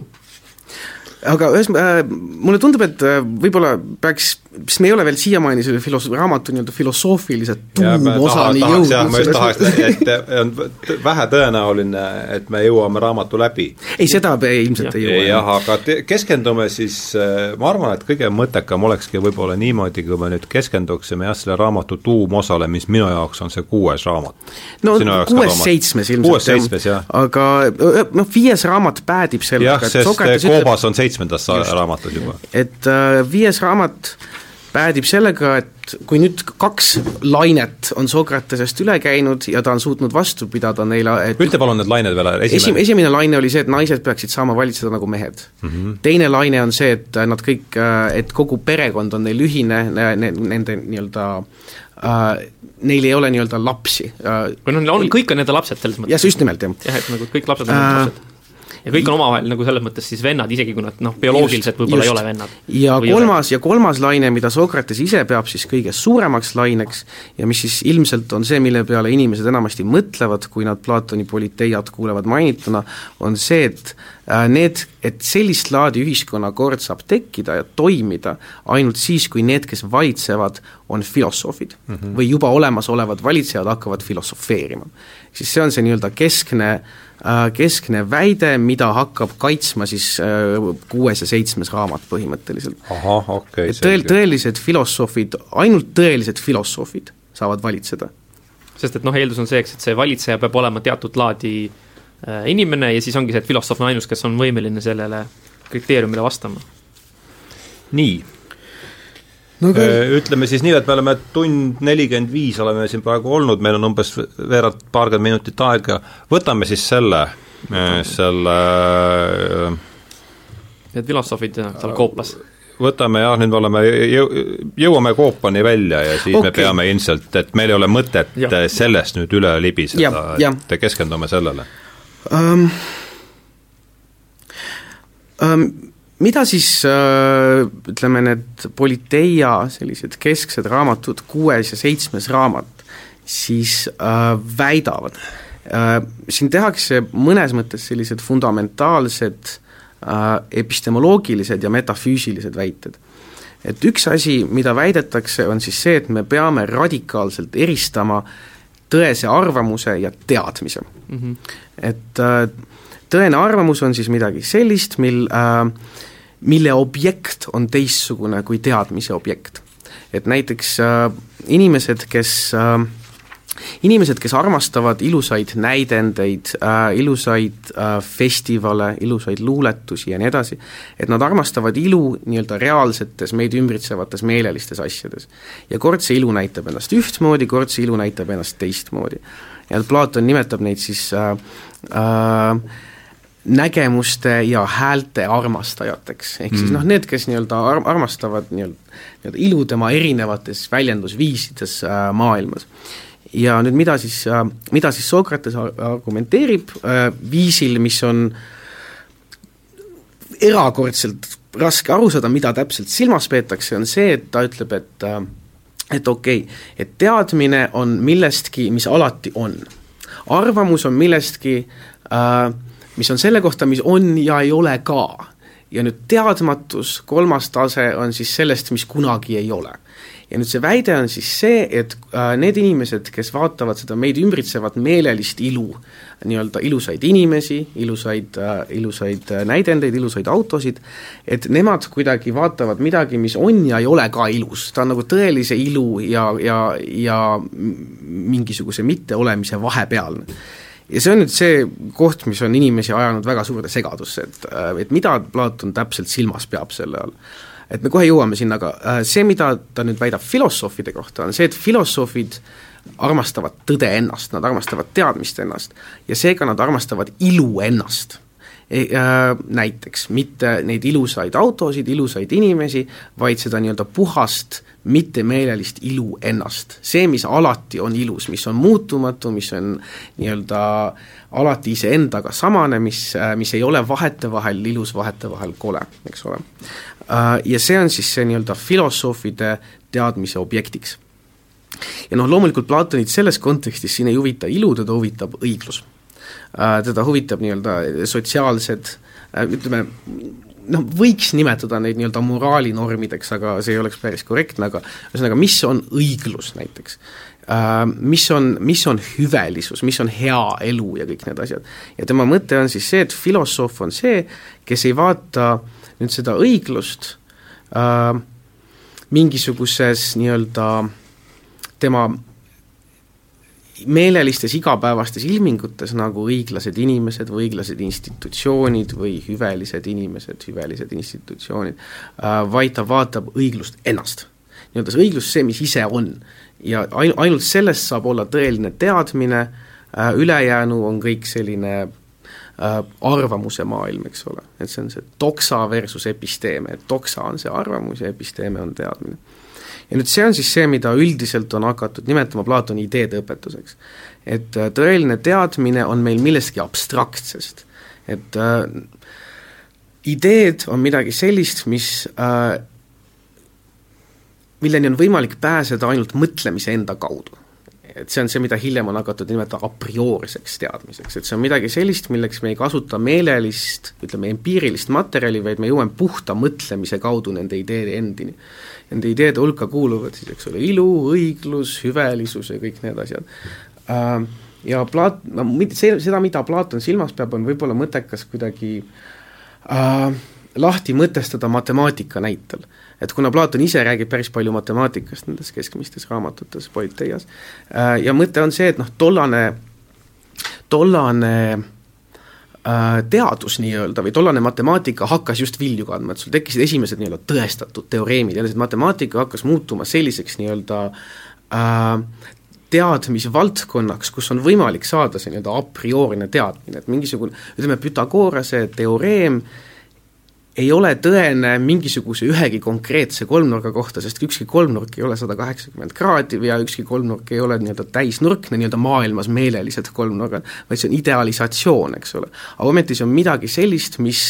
võimaldab meil mõtestada lahti meid ümbritsevat maailma, võimaldab meil tegeleda, eks ole, laevandusega, igasuguste selliste asjadega. Äh, ja, ja matemaatika oli tollal selline tormiliselt arenev ja mõnes mõttes, mida Platon tahab, on selline samalaadi matemaatiline teadmine siis nende nii-öelda väärtuste kohta. ehk siis nii-öelda moraali teadmine, mis on modelleeritud Just. matemaatikal põhimõtteliselt mm. -hmm. et äh, see, mida need filosoofid siis nii-öelda teevad, kes saavad oma selle aastatepikkuse treeningu, mis algabki põhimõtteliselt matemaatikaga ja geomeetriaga ja selliste asjadega, et filosoofe treenitakse viisteist aastat ja sellistes äh, üsna formaalsetes distsipliinides nagu matemaatika, geomeetria, stereomeetria, astronoomia ja nii edasi, ja siis lõpuks nad jõuavad dialektikani, mille ja asja mõte ongi siis seal see, et nad äh, nii-öelda dialektika kaudu siis haaravad just nimelt neid nii-öelda väärtusmõisteid sellise matemaatilise kindlusega. et filosoofid on need, kes tunnevad seda, mis on hea elu, sama hästi kui matemaatikud suudavad aru saada arvude omavahelistest suhetest näiteks ja, ja see on see nii-öelda, mis peab siis tegelikult nagu õigustama kogu seda ühiskonnakorraldust, on see, et sul on need valitsejad on sellised, kellel on täiesti kindel teadmine sellest, mis on hea, selline matemaatiline moraali teadmine nii-öelda. jah, minu arust üks niisuguseid äh, meeldejäävamaid kohti oli see, kui ta rehkendab välja see, et türann on seitsesada kakskümmend kohe, seitsesada kakskümmend ka seitsesada kakskümmend üheksa korda õnnetum kui see filosoofist kuningas, seal oli päris huvitav arutluskäik seal taga et äh, aga noh, see Platoni ideede õpetus äh, seda noh, neid, neid abstraktseid entiteete nagu õiglus ise, ilu ise äh, ja nii edasi, et neid nimetatakse siis ide ideedeks. ja need ideed, noh oluline on siin mõista, ei ole siis need, mis meil on peas, vaid need on ideed, mis on nii-öelda väljas, need objektiivsed, abstraktsed asjad. vorme on ka kasutatud, eks ole, selles no see on see, ütleme, latin, latiniseeritud Latin. äh, jah, inglise keeles ongi see forms tavaliselt aga äh, kreeka keeles on idea ah, või jah. eidos. eidos, jah. ja ja noh, asja mõte on selles, et tegemist on sellise mida, mida Platon teeb, on see, et ta annab selle nii-öelda metafüüsika, kus sul on sul kaks sellist äh, olemistasandit, üks on see nii-öelda maailmas olemasolevad asjad, kehad äh,, värvid, kõik nii edasi, teod, ja siis on meil see nii-öelda abstraktne tasand, kus on arvud äh,, õiglus ise, ilu ise ja nii edasi. ja selleks, et äh,, selleks, et ta saaks väita, et äh, valitsemine on nii-öelda tõeline ekspertiis, nii-öelda tõe, et moraali ekspertiis on olemas, selleks ta peab nii-öelda postuleerima selle äh, selle tasandi, kus need moraali entiteedid eksisteerivad iseseisvalt. ja see on äh, mul korraks tähelepanu ajus, ütle, ütle, see on oluline koht, ütle palun veel see. et ühesõnaga, selleks, et äh, saada selleks, et õigustada oma ühiskonnakorda, kus filosoofid valitsevad, selleks peab nendel filosoofidel olema objektiivne teadmine nii-öelda voorustest ja Just, ja selleks peavad need olema olemas. selleks need peavad need olema olemas ja selle, ühesõnaga selleks jah, see on kriitiline koht ju tegelikult. kuigi tegelikult võib-olla isegi mina ütleks, et see, see praegu see oli nagu selles mõttes läks natukene ju tagurpidi, eks, et see ei ole ju niipidi, et et kuna filosoofid, see on ju ikkagi sedaseks, et, et see objektiivne ideede maailm on olemas ja kuna filosoofid on ainsad, kes on võimelised sellega kontakti saama, siis nemad on omakorda ainsad, kellel on see õige teadmine, et olla valitsejad kas see ei ole täpselt see, mis ma ütlesin? ei, aga sina ütlesid seda teistpidi, sina ütlesid niimoodi, et nagu, et eh, selleks, no sina, sina alustasid justkui nagu sellest, et, et, et nagu, et kui eh, filosoofid on valitsejad, siis järelikult selleks on vaja seda jah, no mina on..., mina vaatasin seda, et mida, mida peab Platon tegema selleks, et äh, nii-öelda tõestada või õigustada oma, oma seda ühiskonnasüsteemi mm. -hmm. ja selleks, et ta, selleks, et seda õigustada, siis ta postuleerib selle metafüüsilise äh, eristuse ja selleks, et seda äh, ja sellest eri, metafüüsilisest eristusest siis selle epistemoloogilise eristuse, selle tõe, selle arvamuse või doksa ja episteeme vahel ja mhm. filosoof saab siis valitseda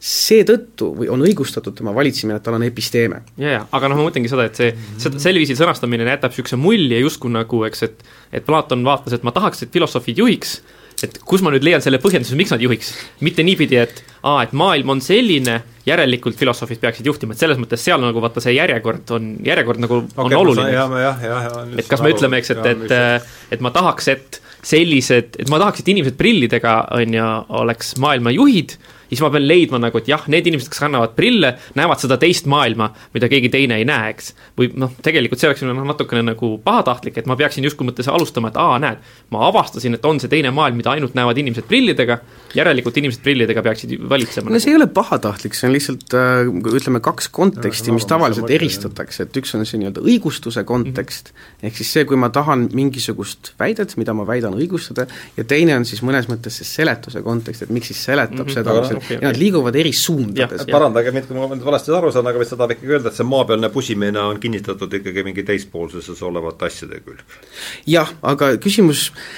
et mõnes mõttes see, kuhu me lõpuks jõuame, kui me sellest Copa müüdist hakkame rääkima, eks ole, on see, et film... kuhu me tänast küll ei ei, ma arvan, me jõuame, mis me palju sellest ikka rääkida. Et äh, et mõnes mõttes sul on see nii-öelda komplen-, see nii-öelda kontemplatsiooni ideaal, et sul on nagu, mis muutub filosoofia ajaloos kohutavalt oluliseks, on see, et filosoof on see, kes nii-öelda kontempleerib sellist reaalsust, mis on kuidagimoodi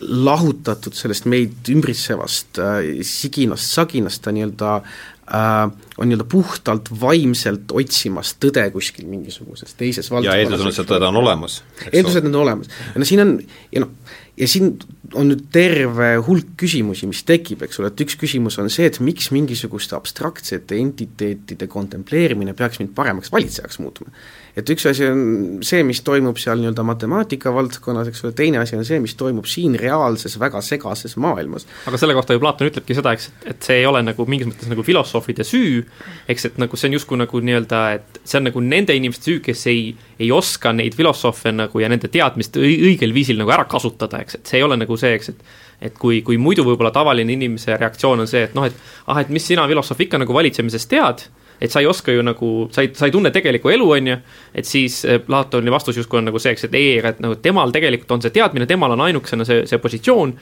ja see ei ole nagu mingis mõttes, tema ei pea nagu muutuma, et need institutsioonid peavad muutuma, et nad saaks seda filosoofi ja tema teadmist nagu täiel määral ära kasutada, eks. et siin on see, ma vaatan, kas ma leian kiirelt ka selle tsitaadi koha ülesse. Hmm. jah, see on siis seal nelisada kaheksakümmend üheksa. see on see Stefanose järgi või? ja, ja, ja, et siis on nagu see, eks, et äh, ja sul on õigus, et kui sa ütled, et parimad äh, filosoofid äh, äh, jah, you are right to say that jah, et parimad filosoofid ei ole nagu väga head avalike teeninduse nagu elluviimisel, aga sa peaksid nagu neile ütlema, eks, et, et sa peaksid siis nagu seda äh, Mm -hmm. Nende kasutust süüdistama või nagu seda kasutust nagu siis panema süüks nende, teiste inimeste läbikukkumistele, kes, kes ei ole võimelised nagu seda filosoofi nagu rakendama mingis mõttes, eks, et mm -hmm. näete, meil on, meil on siin inimesed, kellel on kontakt selle objektiivse teadmisega, et noh, palun pange nad nagu no, see on ju rakkesse. kohe selle äh, laeva metafoori järgi, jah. järgi ja., eks ole, jah. et seal laeva metafooris on ka mingis mõttes nagu see, eks, et kus on noh, et, et et noh, nagu meil on, meil on see, meil on see kapten, kes nagu tegelikult on nagu äh, noh, oleks parim juhtima, on ju, aga noh, see, see elu seal laeval on kujunenud selliseks, et see käib ainult mingisugune edasi-tagasi, mingisugune võimumäng, on ju. ja selles võimumängus ta ei ole hea, aga see ei ole ju kapteni süü, et, äh, et selles võimumängus ta ei ole hea, eks, et see on ja ma vaatasin, et Bosch on teinud selle, sellest äh, laeva metafoorist maali, mis on päris mm. meelde jääb no aga liigume siis, äh, liigume siis äkki selle Koopa võrdpildi juurde. no liigume mis, Koopa äh, ja, ja sellega siis tõmbame joone, mitte, mitte et ma tahaks äh, ja ma arvan, et see, see on hea, et muidu läheb liiga pikaks. jah, ühesõnaga see on ilmselt võib-olla kogu kogu Platoni filosoofia võib-olla isegi ei ole väga palju liialdada, kui öelda, et see on üleüldse filosoofia ajaloo võib-olla sellise Juh. kõige kuulsam tekstikoht või kõige ja, rohkem sellist, sellist reaktsiooni tekitanud, et mida, mida ühesõnaga, mida Platon siis äh, üritab siin teha, on see, et ta üritab võrdpildi abil selgitada seda, kuidas filosoofiline haridus peaks toimuma. ja siis hiljem selles samas seitsmendas raamatus ta annab siis nii-öelda rohkem sisulise seletusele selle või noh, ütleme mitte võrdpildilise seletuse sellele, mida ta siin Koopa võrdpildis silmas pidas. aga no põhimõtteliselt äh, Koopa võrdpilt siis peaks kirjeldama meie igapäevast seisundit ja meie igapäevast seisundit siis hariduse koha pealt, et kuidas haridus meie igapäevast seisundit mõjutab. ja nagu Platon siis ütleb, et haridus ei ole mitte, mitte mingisuguse info juurdepanemine, vaid haridus on pigem nagu hinge ümberpööramine, et hinge suuna muutus, et hing hakkab midagi muud väärtustama, eks ole, et mingisugune nii-öelda nagu selline gestaltnihe peaaegu. et ja see on siis midagi sellist, mida peaks siis natukene see Koopa võrdpilt ka iseloomustama et okei okay, äh,, Koopa võrdpilt muuseas on eesti keeles äh, ilmunud äh, ajakirjas Akadeemia kunagi on vist üheksakümnendate alguses. jah, aga see on eesti keeles olemas, jah. Ja Platon siis, või noh, Sokrates, tegelaskuju, Platon autor, palub meil kirjeldada äh, või ette, ette kujutada olukorda inimestest, kes elavad Koopas, kes ei ole kunagi Koopast väljas käinud Nad on kes... aheldatud sinna paika, nii et nad ei saa ennast nagu liigutada, nende pilk on suunatud ette ja nende ja selja taga on just, siis ne, Nende selja taga on tuli äh, ja nende selja taga on ka selline sirm, mis on selle tule ja nende selja vahel ja selle, selle selja taga siis kantakse mingisuguseid selliseid nukke põhimõtteliselt. ja kuna see äh, tuli või lõke siis nii-öelda valgustab neid nukke, siis äh, see heidab omakorda varjud sellele seinale, mis on nüüd nende Koopa elanike ees mis tähendab siis seda, et Koopa elanikud on äh, algusest peale, nad on sünnist saati aheldatud ja nad on sünnist saati ainult varje näinud äh,. Mis siis tähendab seda, et nad äh, nii endast kui asjadest, neid ümbritsevad, teavad seda ainult seda varjukuju, näevad ka enda varju seal põhimõtteliselt seal seina peal ja teiste vangide varje samamoodi.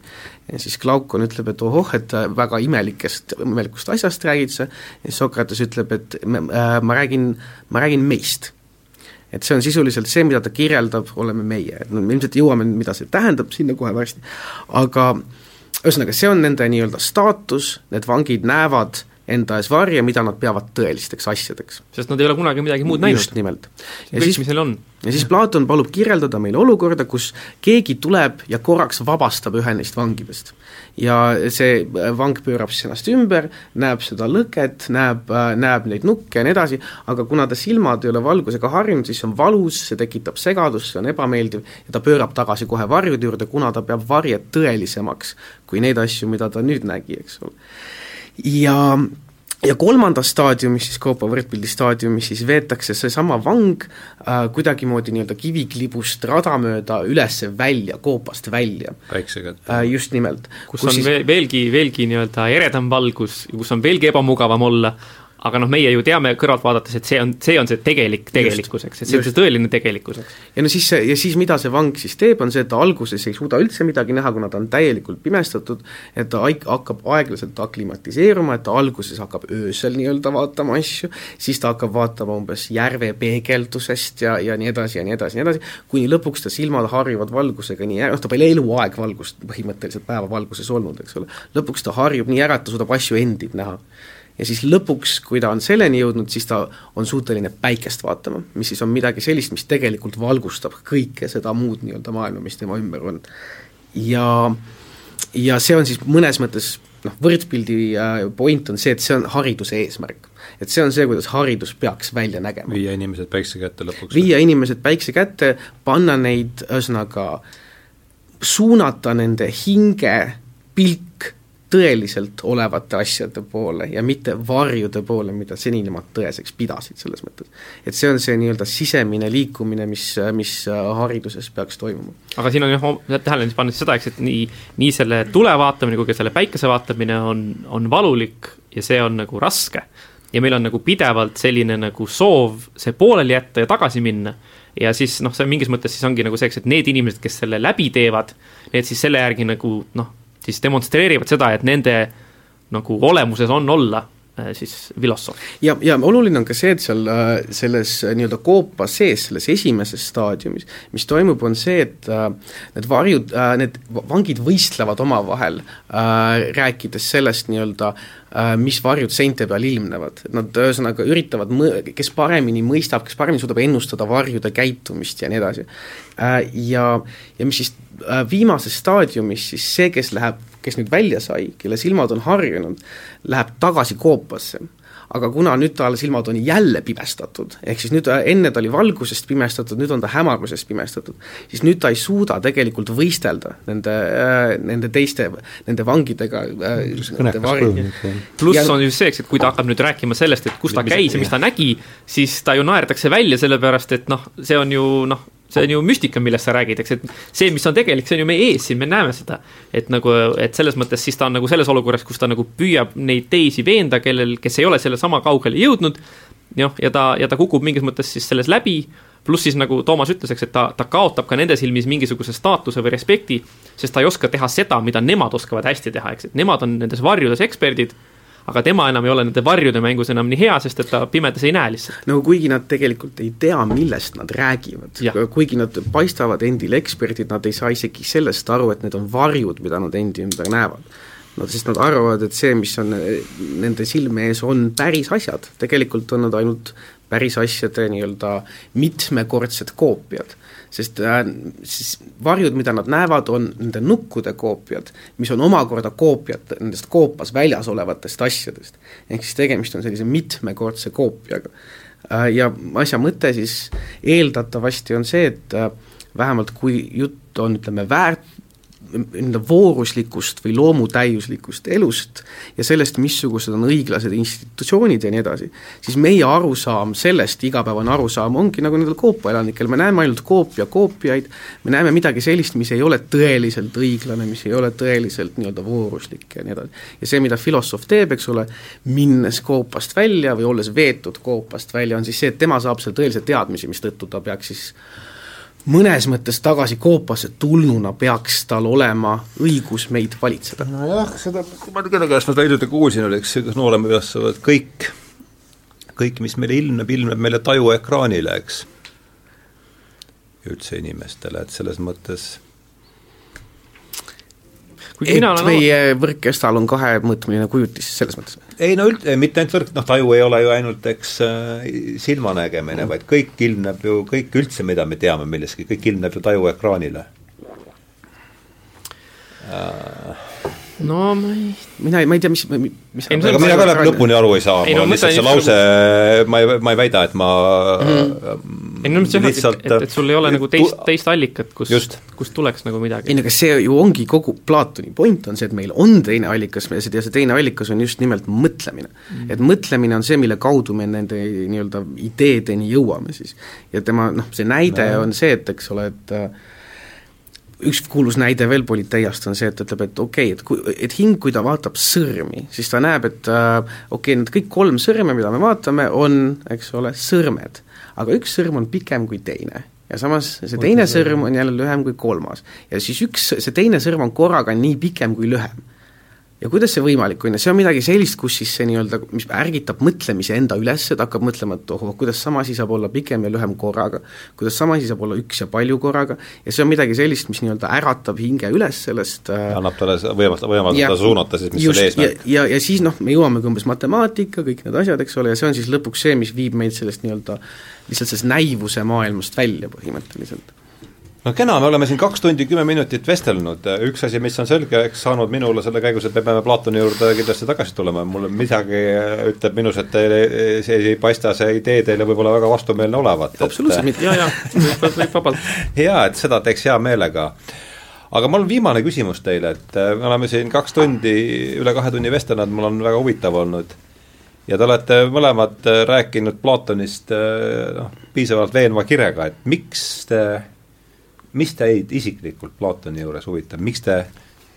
ma on, ma, ma äkki alustan ilmselgelt näha, et see läheb teile korda, miks see teile korda läheb? ja ma alustan äkki, sest et ma ja. arvan, et Toomasel võib-olla on rohkem öelda, minul on, no mul on võib-olla kaks asja, mis ma tahaks öelda, et on ikkagi see, eks, et äh,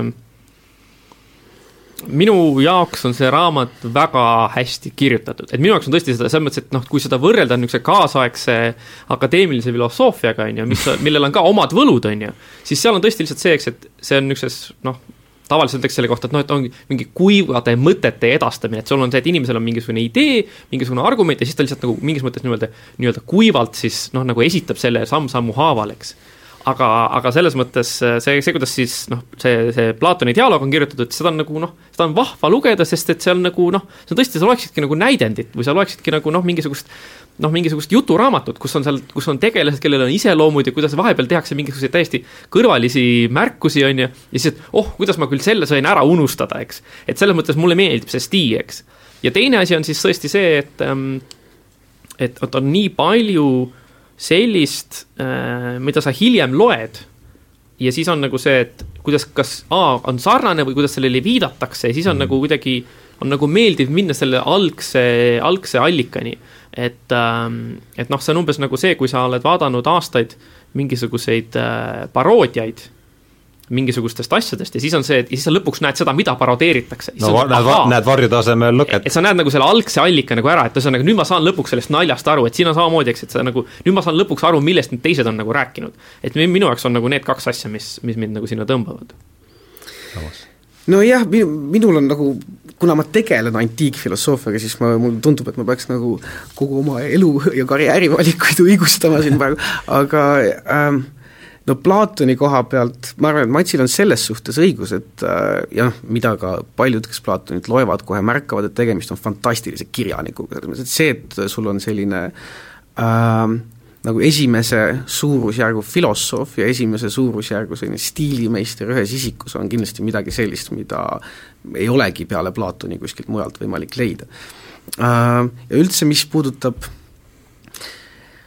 mis puudutab antiikfilosoofiat laiemat ja, ja spetsiifiliselt ka Platoni seda politeiat, on see, et kui tänapäeva filosoofiat lugeda, siis see on, kaldub olema selline suhteliselt selline segmenteeritud tegevus, et osad tegelevad epistemoloogiaga või noh, mingisuguse valdkonnaga epistemoloogiast, osad tegelevad moraalifilosoofiaga, osad tegelevad poliitfilosoofiaga, need on mõnevõrra äh, lahus omavahel, need valdkonnad. aga mida me Platoni politeiast saame, on see, selline fantastiliselt integreeritud pilt filosoofiast. kus sul on tõesti, sul on moraalifilosoofia, sul on psühholoogia filosoofia, sul on Haridus. poliitikafilosoofia, haridusfilosoofia, metafüüsika nad on kõik moodustavad sellise jõulise ühe sellise pildi. ja see on asi, mida ütleme, antiikfilosoofia lugemine tõesti annab, et sa näed tervikut palju rohkem, kui, kui ütleme, kaasaegset filosoofiat lugeda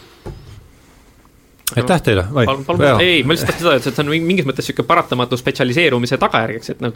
kui Platon ütleb, et igaüks peaks tegelema sellega, mis, millel, millest on nagu kõige parem, et siis me võiksime öelda, et see kaasaegne filosoofia mingis mõttes ongi nagu see spetsialiseerumine. üks asi, mida ma veel tahan lisada tegelikult, on see, et, et Platon on fantastiliselt kaasaegne. et kui mõelda näiteks praegu umbes selle peale, et äh, nüüd on viimase kahe aasta jooksul on tulnud välja hulk raamatuid ekspertiisikriisist, kuidas inimesed ei usalda enam eksperte, kuidas nagu midagi on nagu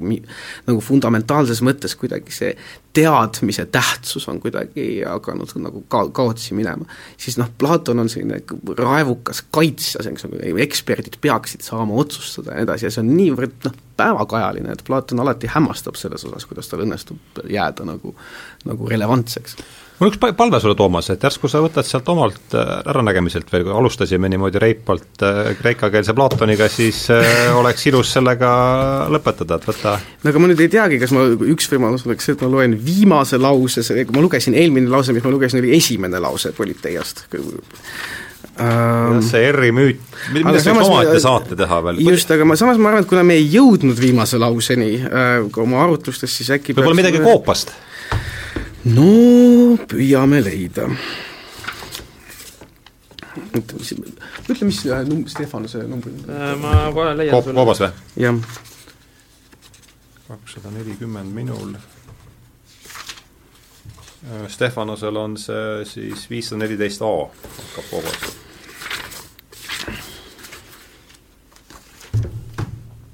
kas ma loen koopamüüdi esimese lause või koopamüüdi lõpupoolt või keskelt või võta oma maitse järgi, et äh, vaatame, see on lihtsam ette öelda, et sul klassikalised filoloogid ei oleks liiga, ei oleks liiga kurjad aa, las, las nad kurjustavad, ega siis see kõla on minu meelest oluline. nii äh,,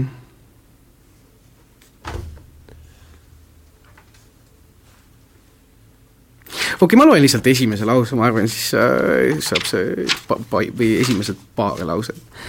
äh,. kas see on see, ma tahan, et te kujutaksite ette seda just. jah, okei okay,, nii, väga hea uh,. Metadauta de eipon ab eikason tojutu uh,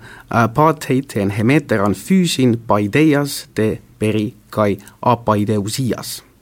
Idegar anthropus oion en katageio oikesei spelaiodei. Anapeptamenen to fos ten eisodon äh, ehuse makran paraban to spelaion. En taute ek paidon ontas en desmois kai ta skele kaitus auhenas. Äh, host, oste menen de autus eiste to prosten monon horan. Kyklo de tas kefalas hypo tu desmu adynatos, adynatos äh, periagein see lause on päris pikk. Peaks võib-olla ära lõpetama. Võib-olla peaks veel lühema lause valima. Aga mis see lause ütles? no see lause kirjeldaski seda, et kujuta ette äh, meie nii-öelda inimlikku loomust äh, hariduse ja harimatuse seisukohalt. Ja siis ta hakkas kirjeldama neid vange, kes istuvad no, seal, äh, just. et mulle tundub, et see oli natuke liiga pikk lause aga noh, ta andis meile selle kõla praegu kätte, et ärme, ärme hetkel uut otsi, aga lepime no,, lepime väga. kokku sellega, et me tuleme, et see ma arvan, et me võiks isegi järgmise saate teha järsku sellest Platoni eelsest ajast natukene. Või politeia-eelsest ajast. või politeia-eelsest ajast, no selle me jõuame, seda me ei hakka praegu siin stuudios arutama. Mm.. et suur tänu teile, et tulite, oli väga huvitav, Mats Volberg, Toomas Lott, äh, tänan teid südamest tulemast ja eetris oli siis Tähenduse teejuhtide järjekordne saade ja mina olin saatejuht Hardo Pajula, head õhtut!